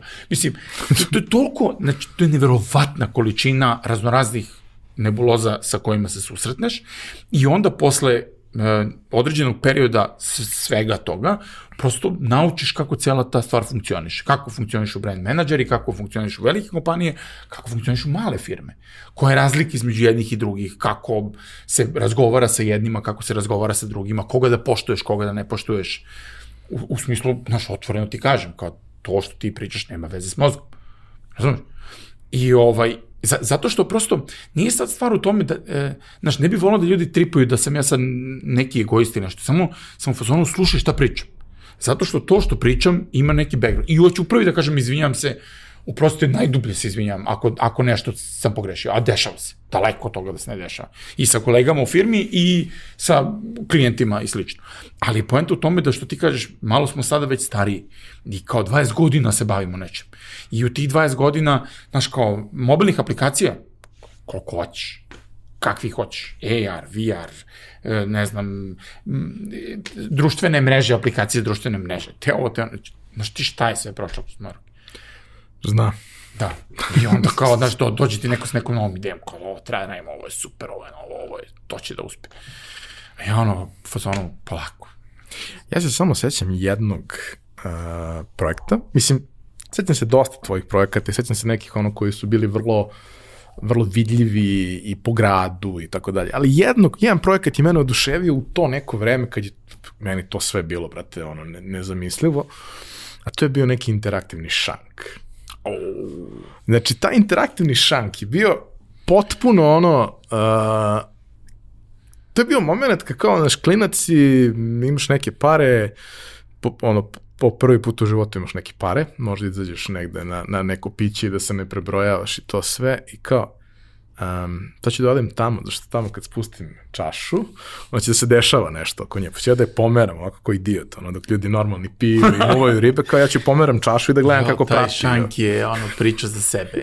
U stvari, mislim, realno kad pogledam, ono, svaki projekat je priča za sebe, ima svoje neverovatne, ono, stvari. Znači, taj šank, au, kad se setim tog šanka. Znaš, ono, kao sad kad bi mogli ovde da zasednemo, pa ovi ljudi, da li uopšte imaju Da li mi je ovo zanimljivo što pričam? Da, interaktivni šank, to je prvi interaktivni i poslednji interaktivni šank u, u Srbiji, a boga mi u regionu koji je rađen. Radili smo 6 metara dugačak šank.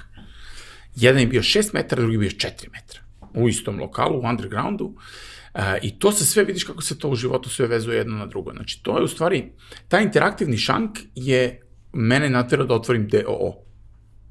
E, zato što smo morali da naplatimo šank zvanično naravno kao firma, ali smo morali kroz tu naplatu da kupimo opremu. A da bi kupili opremu, e, dosta je nezgodno da kupuješ opremu kao agencija, pošto sam prvo imao agenciju, e, to je preduzetničku radnju, a, ovaj, a onda, znaš, kao kupuješ opremu, a PDV Razumeš, i onda je ovde kao, tako je, i onda kao daj kupi deo, kupujemo 10 projektora, svaki projektor na po metar, razumeš, i onda je bila varijanta, Sve, naravno, se otvori ovaj e, deo. Tako da je Digital Mind DOO je u stvari nastao kao potreba zbog interaktivnog šanka. A taj projekat je ovaj, nama doneo Peca Ristića, Peca Ristić je u stvari nama doneo prvi projekat koji je uh, ovaj, rađen u, u, sa Philip Morrisom tada u iVisionu. Uh, I to je sad isto, mislim, sve to je totalni splet neverovatnih okolnosti. Uglavnom, um, i radili smo taj šank, to je, to je neverovatno stvarno bilo, to je, urađen je pa slagaću te, ja mislim, od nule za 25 dana recimo. Tako nešto, nemoguće. Znači, bila varijanta, hoćemo, hoćemo, ajmo, ajmo, pa, pa, pa sve planiranje levo, desno, i onda na kraju kad je moralo da se plati, zato što se mora da kupuje oprema i, mislim, pa onda nemaš deset istih projektora u Srbiji. Pa ne možeš da nađeš nigde na stanju da imaju deset istih, nije bitno kojih bre, a meni su pritom trebali oni short row, ono, mm. naš uski, pa nije moglo to, pa onda kao koji imaju na stanju. Onda je bilo, onda smo mi prilagođavali hardware, to jest kao nosi, ono, noseće stalke za projektore i slične stvari, projektorima koji su, koji su mogli da se nađe njih 10. Znači, jer kao, ja imam po specifikaciji šta mi treba, ali to ne može da stigne u Srbiju, ne znam, iz Austrije ne znam koliko, i sad mi zovemo ovo iz BenQ, ali hoćete, može da garantujete da će stići, a njima se otvara klub na dan, a Shang finansira klijent, znači nema zezanja, znači, potpuno, znaš, I, ovaj, I onda smo, ne znam, našli sad neke Epsone, nebitno, i to se onda tu sad moramo sa ogledalima da rešavamo celu stvar, ogledala prave duplu sliku, pa onda ne možemo sa ogledalima First Surface Mirror, pa gde da nađemo u Srbiji First Surface Mirror, pa ne znam, neki lik u čačku lupom radi First Surface. First Surface Mirror je ogledalo koje ima reflektujuću površinu na gonje površini ogledala. Tebi svako ogledalo ima, ima reflektujuću površinu sa zadnje strane ogledala. I ti kad pustiš projekciju ogledalo, pukne ti slika na drugu stranu, ti imaš duplu ja. sliku. A ovde nemaš duplu sliku jer kao... Jer ogledalo je suštinski staklo koje sa jedne strane ima srebrni fil. Da, Tako a taj fil je sa zadnje strane, sa zadnje da bi bio zaštićen. A tebi treba sa prednje strane da ne bi bila dupla slika, razumeš? A i onda, mislim, show pro, pa onda projektujuće površine, pa to nije moglo, pa smo išli da tražimo folije neke, nema nigde folije, sad folija mora da pušta svetlo s jedne strane, infracrveno svetlo da prima s druge strane. A pritom ti puštaš infracrveno svetlo s donje strane, pa se ono reflektuje od prstiju s gornje strane i vraća nazad dole. Tako da to mora da bude duplo propusno. Da bi moglo da isprati šta se zapravo Tako dešava. Je, na da. šanku. I uglavnom, i sad to je bilo, znači, to je bilo nespavanje jedno tri dana, montaža je trajala, pa ja mislim, 36 sati, recimo, u kontinuitetu, bez spavanja i tako, mislim, bilo je baš onako. I sad nema licenca za, za kamere, pa sad treba kamere, pa nema licence, pa kupuj, pa zove drugaricu u Ameriku da ona kupuje. Sve se dešava. Znači, klub se otvara, recimo, slagaću te u 8. Šank je proradio u 3 minuta do 8. Ali je proradio na nivou sve radi. I sve radi savršeno. Znači, ja sam bio ovo za ovo realno. Jer to je bilo, znači, to što je samo ovako, kad su takve situacije, ti ovako samo, znaš, ništa ne gledaš oko sebe, ništa ne slušaš oko sebe, samo si fokusiran u jednu tačku da se to desi. I nebitno je. I samo sklanjaš ljude sa strane, samo ono kao fokus, fokus, fokus, ca, ca, ca, ca, svi potezi, sve mora da ide jedno za drugim, jedno za drugim, pa kad ima failova, a sve vreme su, sve su failovi, failovi, ovo ne može, ovo ne može, software ne radi, licenca ne radi, poveži ovo ne radi, poveži ovo ne radi, šta je za... Rešavanje sitnih problema i uglavnom, šank proradi, klijent dolazi, stavlja čaše, sve radi, ovi iz kluba ne veruju, puta su oni tu sve vreme i gledaju u kojoj smo mi agoniji, razumeš? I ovaj, i u fazonu su, vi ste pokoj. Kako? Kako? I rekao, čuti, et, ne pitaj. Ne pitaj, da. I ovaj, uglavnom proradila i sad dolazimo do recimo interesantne e, e, priče šta se dešava sa šankom. Znači, to ti je sve u Srbiji je isto, isto, isto. Znači, napravili smo proizvod kakav ne postoji. Nigde. U to vreme mislim da u Evropi možda nije postojalo ništa. Pazi, ej, koja je to godina? interaktivni šank. Ali to ti je ona priča kao, znaš, e, možda i postoji u Evropi. Oni su dali 2 miliona evra da se to napravi. Možete vi to isto napravite za 20? Pa mi ga napravili za 20. Pa znam. šta ti pričam? Uglavnom, šta je poenta? Poenta je u sledeći. Dve su stvari tu jako bitne. Prva stvar je dodir sa realnošću. Što ja kažem, realan život. Šta se stvarno dešava za tim interaktivnim šankom? Mi smo zamislili da ćeš ti da dođeš sada tu, ne ti, nego svi, ti si jedini koji je dolazio stvarno ispušta to i gleda čaše i gleda šta se dešava. Dođu ribe, brate, spuste jakne na šank, spuste pljuge na šank, spuste telefone na šank, spuste sve zaklone, one površine, Nema nigde, mislim, ono, boli nju uvo što je onaj šank interaktivan i što tu nešto sija. Za nju to sija, ona je spustila jakne, jer ja gledam šta se dešava. Jer sam kao zainteresovan, naravno, i šta se dešava sa šankom. Uzela jednu tašnu, drugu tašnu, ranac, sve spustila na šank. Zašto? Jer šank je velik i jako zgodan da se sve stavi na njega. Tako da smo mi veče za večeri završavali sa prepunim šankom e, jakni, torbi, telefona i naravno i pića, ok, sve je to u redu. I da u suštini softver koji je zamišljen bio da bude čaša do čaše povezana nekim linijama, da idu neke rečenice, nešto, da to usto nije možda moglo da radi, zato što kao ti spustiš jaknu, ono cela jakna svetla s druge strane, kamera vidi, znaš, ne vidi jednu čašu, nego vidi ono haos. I ovaj, ja za glavu razumem šta ćemo radimo, uglavnom šta je poenta? Poenta je u tome da, znači, prvo je susret s realnim životom izgledao tako. A drugo je što kao u svaku, mislim, sve u Srbiji što se radi, ti uradiš takav projekat, klijent vidi da to sve radi, potpiše tamo, verovatno uradili smo to, i dobro je, ok, naše sponzorstvo je uspelo, klub kaže klijent je uspešno, sve je zadovoljan je, ok, imamo šanku i radi, super, super, sve je u redu, i niko se time više ne bavi. A taj šank je mogao da bude atrakcija, da ne pričam, što jeste bio, ali moglo da bude još veća atrakcija i mi smo mogli da proučavamo šta ti ljudi rade za šankom i da prilagodimo softver u sledećoj verziji tome šta se stvarno dešava. Dobro, kad uzmeš u obzir šta ljudi rade za šankom, ne može da se, to ne može se pa, prilagoditi. Ne pričam da je puko šanko u jednom trenutku, jer je neki baja crnja, neki košarkaš se popeo, bio na šanki, skakao po onom staklu. Znači, ja sam bio u fazonu, dobro nije, mislim, znaš, dobro nije se osakatio, razumeš? Ovaj, uglavnom, što ću kažem, poenta je u tome da ti kada napraviš nešto, kad je to nešto wow, to što ti u tom trenutku misliš da je to wow, to što ne mora znači da, da to radi onaj posao za koji je namenjen. I mi smo mogli da proučavamo šta se dešava za tim šankom i da učimo iz, iz toga i da eksperimentišemo, jer to je sada postala podloga koja je mogla da bude digitalna za eksperimentisanje razna. I za sponzorstva drugih brendova i za, ne znam, raznorazne ideje koje su mogla se desiti. Znaš, kao ti imaš sad čašu, pa možda mogu da idu neki, neke munje oko čaše, nešto, pa ako vas pusti torbu, daj da oko torbe krene nešto da se razliva, da se nešto dešava. Znaš, ali niko nije imao volje da se sad dalje bavi tim šankom.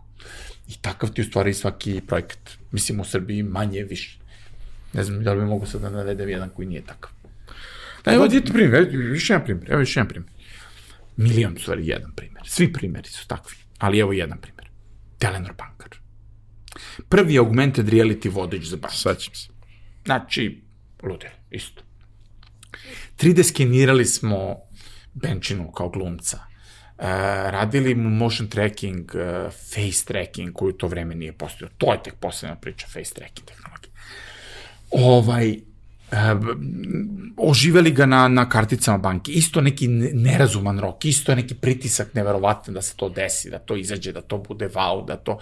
I sve što smo rekli da će da se desi, se desi. I aplikacija je bila takva kakva jeste i radila je savršeno. I sve je bilo. Top. U to vreme prvi put viđeno kod nas. Telenor, otvaranje, to je bilo otvaranje Telenor banke, aplikacija za otvaranje banke. Kao digitalna banka, digitalni vodič, virtualni vodič, pa to bilo koliko to, to ima jedno, pa ima jedno 6-7 godina, sigurno, tak, kako se to desi. Telenor uzme, ja mislim da je on oglašavao tu aplikaciju, bio, slagaću te, tri dana. Tri dana, kampanja.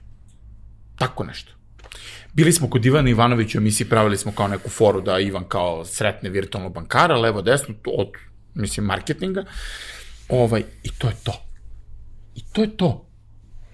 Mi smo u nekoliko navrata dolazili kod njih i rekli im, ljudi, pošto kao kod nas na, na profilu je aplikacija uploadovana. Rekao, imate bre downloade aplikacije, bre, ima 10-15 hiljada ljudi godišnje koji downloaduju ovu aplikaciju, svake godine, kao već nekoliko godina. Kao dajde da upgradeujemo, da uradimo nešto s njom, da zaživi, kao imaju, ima organski download, razumeš, ljudi skidaju kao ne plaćate marketing, ne plaćate ništa, a ljudi downloadaju aplikaciju, dajde da malo upgradeujemo, promenimo malo tekst, uradimo neke nove fore, da kao M se da, da ne bude blam, jeli, i da se to koristi dalje, a s druge strane i da kao možete to opet da marketnički dobro pokrijete, da to bude nova fora. Ne, ne, ne, ne, nismo zainteresovani. Zato što neke druge stvari su sada bitnije. Zato što je sad nova kampanja. I kao, to je bila kampanja za otvaranje banke, to je poslužilo svoje svrsi, mi smo to odradili, to je bilo super i to je to. I ključna reč u srpskom marketingu je reč kampanja. Sve se radi kampanjski, sve se radi od danas do sutra, ne postoji nigde strategija ozbiljna, ne postoji nigde plan na godinu, dve, tri, četiri, Mislim, znaš koliko primjera ima? To, to sutra bi mogli da pričam. I ja isto. Ali tu postoje, znaš, i onaj moment koji ja negde razumem, ne slažem se sa njim, ali ga razumem, a ti onaj isti moment kao zašto ono, na nivou politike se neke stvari ne rešavaju, iako bi možda mogli. Ne mogu se rešiti za jedan mandat. I ako ne mogu se rešiti za jedan mandat, neće niko da ih počinje, bez obzira na to koliko je to važno. E, ovde isto, kao, znaš, i, i sa klijentima. A, treba nešto se radi četiri godine. Ali ja neću budem tu četiri godine. Ja ću posle dve godine da palim u drugu firmu, jer ovde neću dobijem ponudu za unapređenje, dobit ću vamo više para, whatever. Ali kao, imaš čoveka koji ti je ključni resurs, i možda nekoliko ključnih ljudi, ja kažemo, po sektorima, ti ćeš da dozvoliš da ti ljudi odu.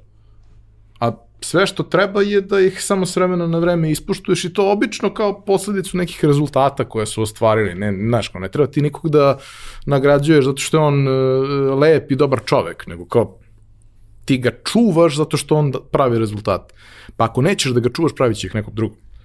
Ali nećeš imati taj kontinuitet. Konstantno ćeš imati stvar koja je to na nivou u najboljem slučaju sezone i kao svaki put kad dođe neko novi, sve se radi od nula. Da. I onda se nikad ne napravi ništa veliko i trajno. puta se nam dešavalo da nam dolaze klijenti koji su, koji su već naši klijenti, u smislu radili smo s njima ranije. Veliki problem sa našim poslom, ono što sam pričao da smo servis da, i da radimo za kampanje, u stvari je, je upravo taj što je Digital Mind uh, firma koja um, ima projektno orijentisana. Znaš, to je veliki problem. I to je ono što sam rekao da mi iz servisa pređemo u, u, u produkt, u stvari da mi iz projekata pređemo u produkte. I da je to nekakva vizija za budućnost i, i cilj koji želimo da, da postignemo. Ali e, imamo klijente dođu i kao, e, jel biste mogli nešto i tako da, mi kao, pa znate vi da smo mi već radili za vas? E, znate da smo radili nešto slično? Stvarno? Pa nismo ne pojma.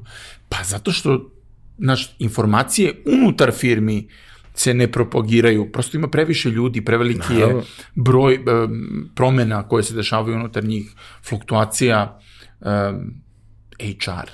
ne, pazi, mislim, ja se sećam recimo nekih situacija upravo tako sa, sa, sa klijentima gde kao mm, dobiju ljudi preporuke da rade sa nama i tako dalje, kao pošalju mi zahtev, dajte neki portfolio, nešto, da imam ja pošaljem portfolio gde je njihov logo četvrti od, ne znam, 40 koliko ima. Aha, kao pa, a vi ste radili sa nama, a šta ste radili? I je pošljen spisak od 15 projekata u prethodnih 10 godina. Kao, stvarno? Pa da. To je najstvarnije, brate, najstvarnije. To je tačno to, da. Pa ovde niko ne zna, pa ne zna zato što pre tri godine niko nije bio u firmi kada smo mi zadnji put radili sa vama. U, pa kao, E, pa kao, evo, setila se, ne znam, devojka iz financija se setila, kao, pa normalno se setila devojka iz financija, ona pustila fakturu. Pare, da, da. Znaš, ali kao, to je ono, to je prilično, prilično a, traumatična stvar i mislim, sve te priče su a, do jaja zato što ti stičeš neka neverovatna iskustva i upravo to što, što si pomenuo negde, kao, mi imamo to kompresovano iskustvo. Mi za 20 godina rada imamo 40 godina iskustva, jer smo radili te stvari koje su u suštini, ono, staviš mozak u blender, blenduješ, blenduješ, blenduješ, onda ga pustiš jedno 8 sati da se kao smiri, onda opet. Ovaj, ali konstantno radiš te neke nove i, i neverovatne stvari i to je razvojno dobra stvar, ali za kao to da ostaneš zdrav i normalan baš i nije. Ove, ovaj, jer jednostavno previše stresa. Previše stresa kroz vreme, znaš, kao na, na momente je to ok, posebno ko voli, ko voli taj adrenalin, ko, kao, brate, da, sve se raspade, ništa nije ok, ali onog trenutka kad taj šank radi, brate, ti si kralj sveta. Nema te gudre koja može to da reši, razumiješ? Da, apsolutno.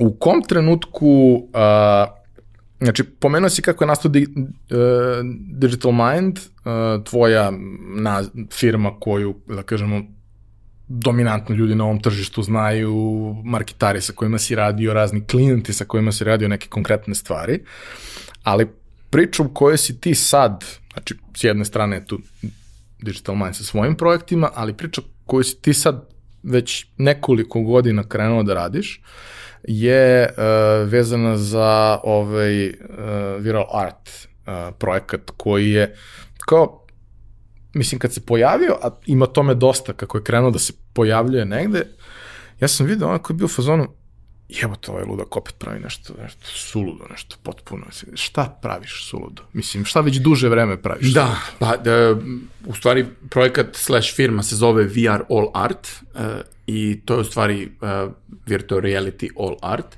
Um, to je platforma za galerije, umetnike, muzeje, kolekcionare, bit će iz univerzitete, škole, um, da ljudi mogu da kreiraju svoje virtualne izložbe i ideja je da stavimo što više, idealno kao sve, ovaj, galerije sveta i muzeje i umetnike na jednu platformu.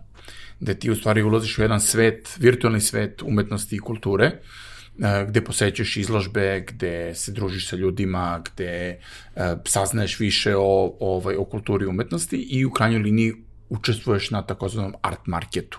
To jest kupuješ i prodaješ umetnost uh, u virtualnoj stvarnosti. Uh, I realnu umetnost, ali naravno da ćemo ići u pravcu ove digitalne umetnosti.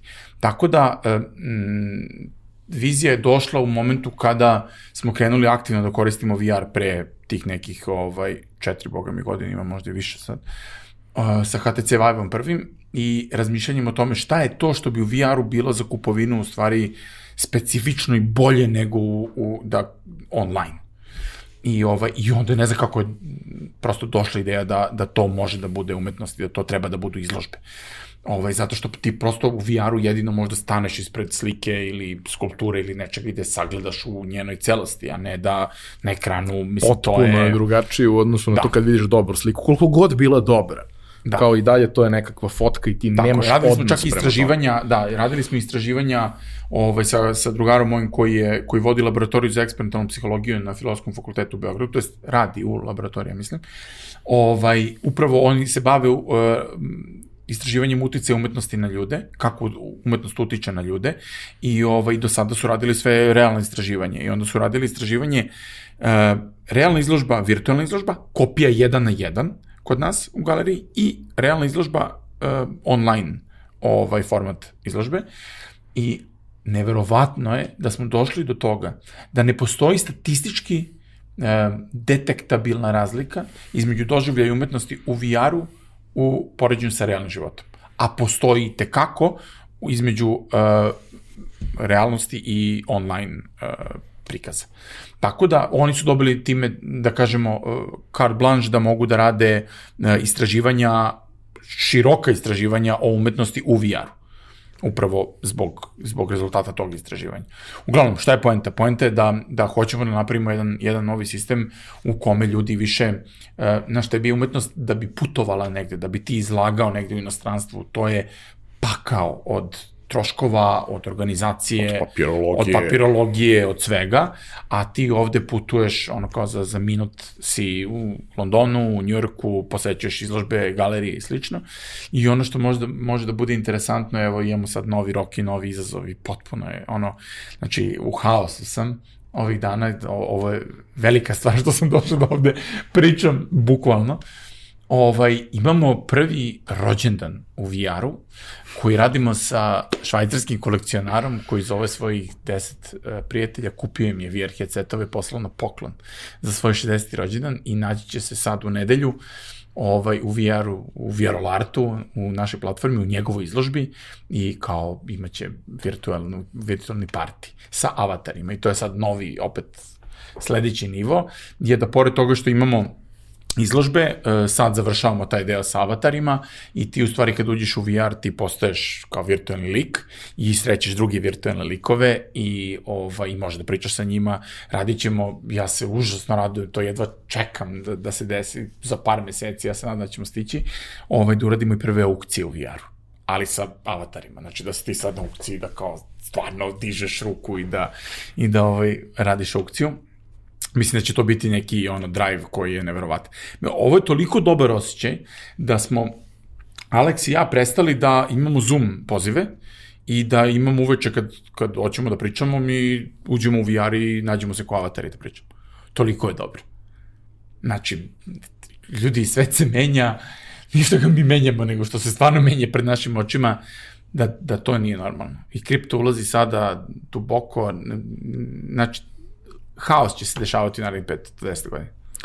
Uh, za kraj ovog razgovora, a mislim da ćemo da imamo bar još jedan, Ok. kad se malo stabilizuje situacija. Za kraj hoću samo da se dotaknemo jedne stvari koja mislim da je jako kompatibilna sa, sa onim što radiš i celom situacijom, a to je, brate, pre godinu dana je krenula korona.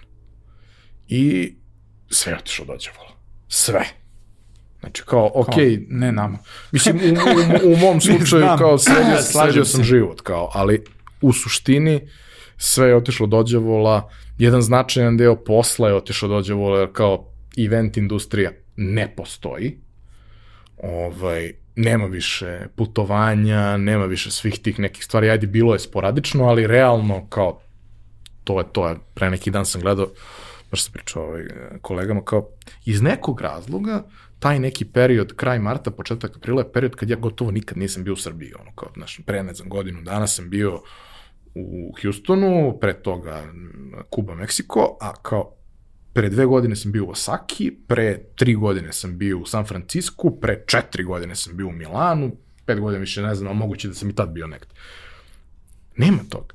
Kao, brate, evo me, sedim ovde, ok, Da, da, da. mislim, ne bunim se, ne žalim se kako je moglo bude, meni je još i dobro, nisam zakačio, vakcinisao se, sve super.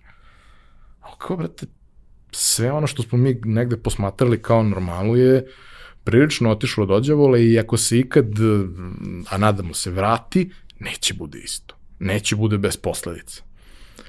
Mnogo ljudi je propatilo, mnogo ljudi je našlo način, ljudi, ljudi koji se bave poslom, je našlo način da se adaptira koji je više ili manje boleo, ali ono, ko se adaptirao, jebi ga, preživeće nekako.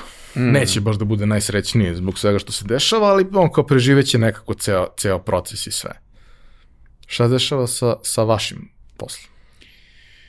Pa, pričali smo malo o tome pre emisije, da kažem, mene uhvatilo ozbiljna panika bilo u momentu kada je krenula ovaj, korona, jer sam neko isprojektovao da će biti baš čupavo.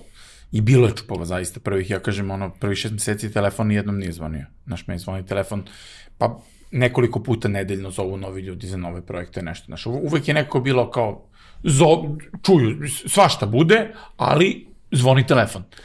Pišu ljudi. Samo je prestalo. Znači ništa, nula. Ovaj, hvala Bogu da smo uh, imali to finansiranje od Fonda za inovacijnu delatnost za, za Viral Art, pa smo nekako uspeli da, da prezimimo taj, taj početak korone, tako da kažem, dok se ponovo nisu stvari vratile u normalu donekle i što je najluđe od svega i eksplodirale. Jer šta se stvari desilo u našem digitalno virtualnom poslu, kako su ljudi krenuli u, u, ovaj, u koronu, kako je sve stalo, jer su svi se zamrsli ovako, stali su i bili u fazonu gotovo. I ovaj, I onda kad su se ponovo odmrzli, kad su krenuli da, da funkcionišu, onda su shvatili da im je većina funkcionisanja u stvari digitalna, online i, i virtualna, pa su onda krenuli da istražuju šta tu sve postoji, pa kako bi mogli da prilagode svoje poslovanje, pa da prebace neke aktivnosti u, to- u taj deo, u taj sektor i slično, pa su onda počeo ponovo da zvoni telefon. Ovaj, ali hoću da kažem da je uh, civilizacija, nama sa poslom, to je sad jedno onako giba se to, ali je opet ima ups and downs, znači ima i usponi padove, pa ima nalete potreba ljudi, pa onda ima nagle opet kao depresija, razumeš, udarite kao novi shutdown, novi lockdownovi, pa kao opet mi nije dobro, pa kao neću ništa, pa onda ponovo te nešto puste malo, pa onda opet se ljudi malo ovaj, vrate u život, pa ponovo se dešava nešto s poslom. Mislim da nas tek čekaju ozbiljni izazovi, ovo ništa šta, smo do sad doživjeli, šta nas čeka u narednom periodu, ali interesantno da je nama to posebno za Viral Art e, napravilo u stvari najveću odskočnu dasku. I koliko je god to stvarno strašno civilizacijski, uh, ubrzalo je uh, rad nama, prvo nas je ubrzalo na platformi da, da moramo brže i, i mm, bolje da dođemo do rezultata, a drugo, ceo svet je počeo da traži rešenja za virtualne izložbe. i odjednom ti bukvalno vidiš, kad bi ti pokazao Google analitiku, to bi video ovako, onako vrlo mali broj poseta dnevni baziran na, na ovaj pretragama to kao virtualne galerije, virtualne izložbe i onda kreće mart, april prošle godine. April je bio pik, totalni. I, ovaj, I onda je to palo malo, tokom leta je bilo onako značajno više nego ono godinu dana pre toga. I, ovo, I onda je ponovo u septembru počelo da, da, raste, da raste potreba za time i evo sad i dalje raste i mi smo se između ostalog i ovaj, dosta smo dobro pozicionirani sada na, na, na tom, da kažem, na globalnoj mreži ovaj, na te teme. Ali hoću da kažem da je ovo, dve stvari su se važne desile. Prvo, ljudi su morali hitno da se informišu o tome šta sve postoji. I drugo, morali, morali su hitno se prilagode. E, taj proces je možda bi trajao inače 10 godina. Kao dok sad tamo neko nauči šta bi novo moglo njegovom poslu da se desi digitalno, virtualno, pa šta je VR tehnologija, pa šta je 3D, pa šta je... Ljudi su bili u fazonu, neka, neka imam ja moju galeriju, imam ja moju izložbu. I sad su primorani bili da se obrazuju. Da bi shvatili koliko to može da im unapredi posao, da im promeni pristup poslu i slično. Ovaj, tako da smo mi s te strane stvarno prošli uh, dobro, ali je ovo tek početak i dalje. Pre svega edukacije. Znači, to je prvo i pre svega. Edukacija da postoji nešto novo, e, nešto drugačije od realne izložbe, postoji neka mnogo veća publika koja se nalazi online i u digitalnom svetu i ti imaš mogućnost da ih pristupiš. I onda ja tebe pitam, ako tebi dođe na otvaranje izložbe ovde 30, 40, 50 ljudi, koje si mora da zoveš po osobi i tako dalje. I niko ti posle toga ne uđe u galeriju ili u muzej. A online ti dolazi dnevno po 100-150 ljudi na izložbu. Jel postoji neki, mislim, jel postoji neka razlika?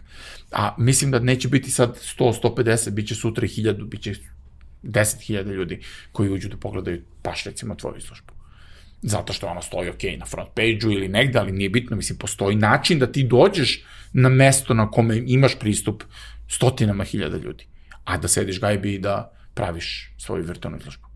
Tako da, mm, korona je, korona nas je upropastila žestoko sve nas, mislim, ja mislim da najveći problem psihologije u stvari, da će nas tu rastaviti i, i, i nikad se nećemo sastaviti kako treba, ali opet, s druge strane, ja se nadam da će ovo biti e, povod da ljudi malo zarane dublju sebe, da e, shvate šta su, koje su vrednosti njima bitne, kako izgleda njihov život, da ne jure toliko, da nemaju potrebu, znaš kao, ako je tebi, ako si ti zaključeno četiri zida, i tu ti je sve, valjda ti je bitno šta se dešava u ta četiri zida, da ti tu bude prijatno i lepo, da si ono, nacrtao nešto, stavio na zid, da si okačio neku policu lepo, da ti je lepo sa tvojim ono, partnerom svojim, sa, sa, kao decom svojom, ako ih imaš, da, da shvatiš gde su vrednosti života, da nisu u materijalnom samo, da su nekim drugim stvarima. Mislim da postoji šans da će korona biti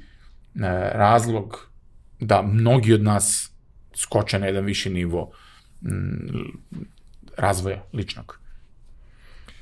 Vi to hvala ti. Nema Mislim da je ovaj zaključak upravo ono što, što nam je trebalo. Uh, šta će da se desi, to ćemo da vidimo. I sigurno neće svi iskoristiti priliku da naprave iskorak. Uvek je tako. Uvek je to rezervisano za relativno mali broj ljudi, ali šansa postoji. I upravo to kao, znaš, a, ljudi kad su krenuli sa panikom pre godinu dana, kada je sve krenulo kao, ja ne mogu da budem zatvoren, ja ne mogu da budem sa sobom i svojim mislima a što ne možeš?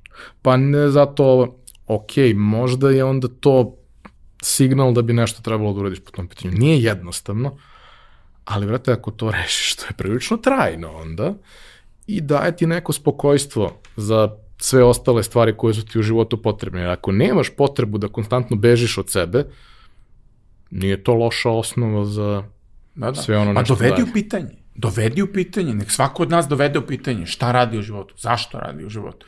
Ja sam baš skoro, evo, ajde da, da ne bude baš uh, kraj, evo, imam još jednu rečenicu misao da kažem. ovaj, uh, ja sam skoro nešto sedim i razmišljam i ja kažem, ljudi, smisao života je u poslu. Nije ni u porodici, Nije ni u partneru, ni u ljubavi, ni u čemu. Ne. Smisao života je u poslu. Kojim se baviš. A znaš zašto? Zato što, to se, mislim, meni je ta misla prošla kroz glavu zato što mi je umro jako, mislim, e, iz mog detinstva, e, momak s koji sam proveo, mislim, bili smo deca mala od, ku, od kumova koji su finansirali Flippersin. Ove kumče moje. I razmišljao sam nešto šta je to njega, i to je umro od alkohola. Znači, se možda zamisliš, možda ono ne treba pričam javno, ali što ne priča javno? Ovaj, sad možda zamisliš imam 42 godine. Sad možda zamisliš šta tebe treba da dovede do toga da ti u 42. godini umreš od alkohola, od, od, od napijanja. I to koje traje godinama već. I onda skontam da je suština u tome šta si ti. Posao. Kad kažem posao, ne mislim ja da je to posao koje je 9 do 5 ono šta radim. Nego da to što si odabrao, da ti bude tvoj život, Može to da bude i porodica kao posao, u smislu, ja sam porodični čovjek i ja kao, pa mislim obaveza, kao varijanta, moj cilj u životu je da sad tu pravim porodicu, da imam puno dece, da ja to pravim, znaš ono, pater familijes da budem, lupam, izmišljam. Samo ću kažem, ono što si odabrao, da bude tvoj život, kako poziv. ga živiš, poziv, tako je, da je to u stvari tvoj smisao. Znači, ljudi moraju da se snađu i, i nađu taj neki svoj smisao. Koji, koji neće da bude destruktivan za njih